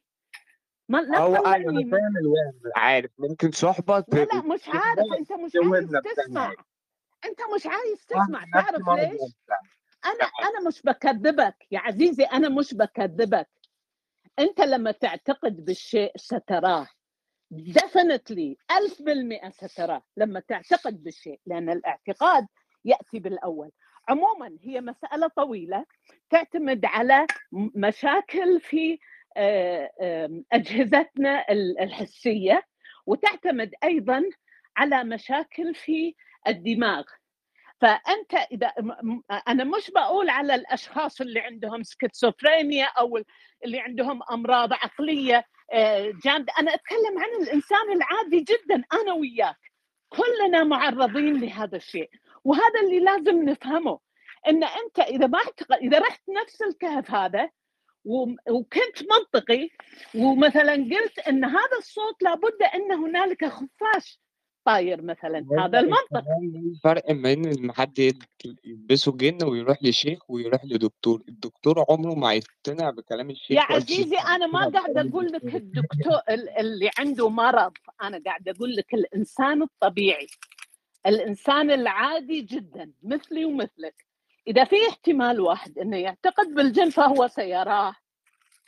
هذا طريقة أدمغتنا كذي طريقة البرسبشن مالت الأحاسيس مالتنا اللي بنحس فيها إحنا ممكن نشوف أشياء اسمها بارادوليا البارادوليا ممكن تكون سمعية وممكن تكون بصرية وممكن كمان تكون شمية.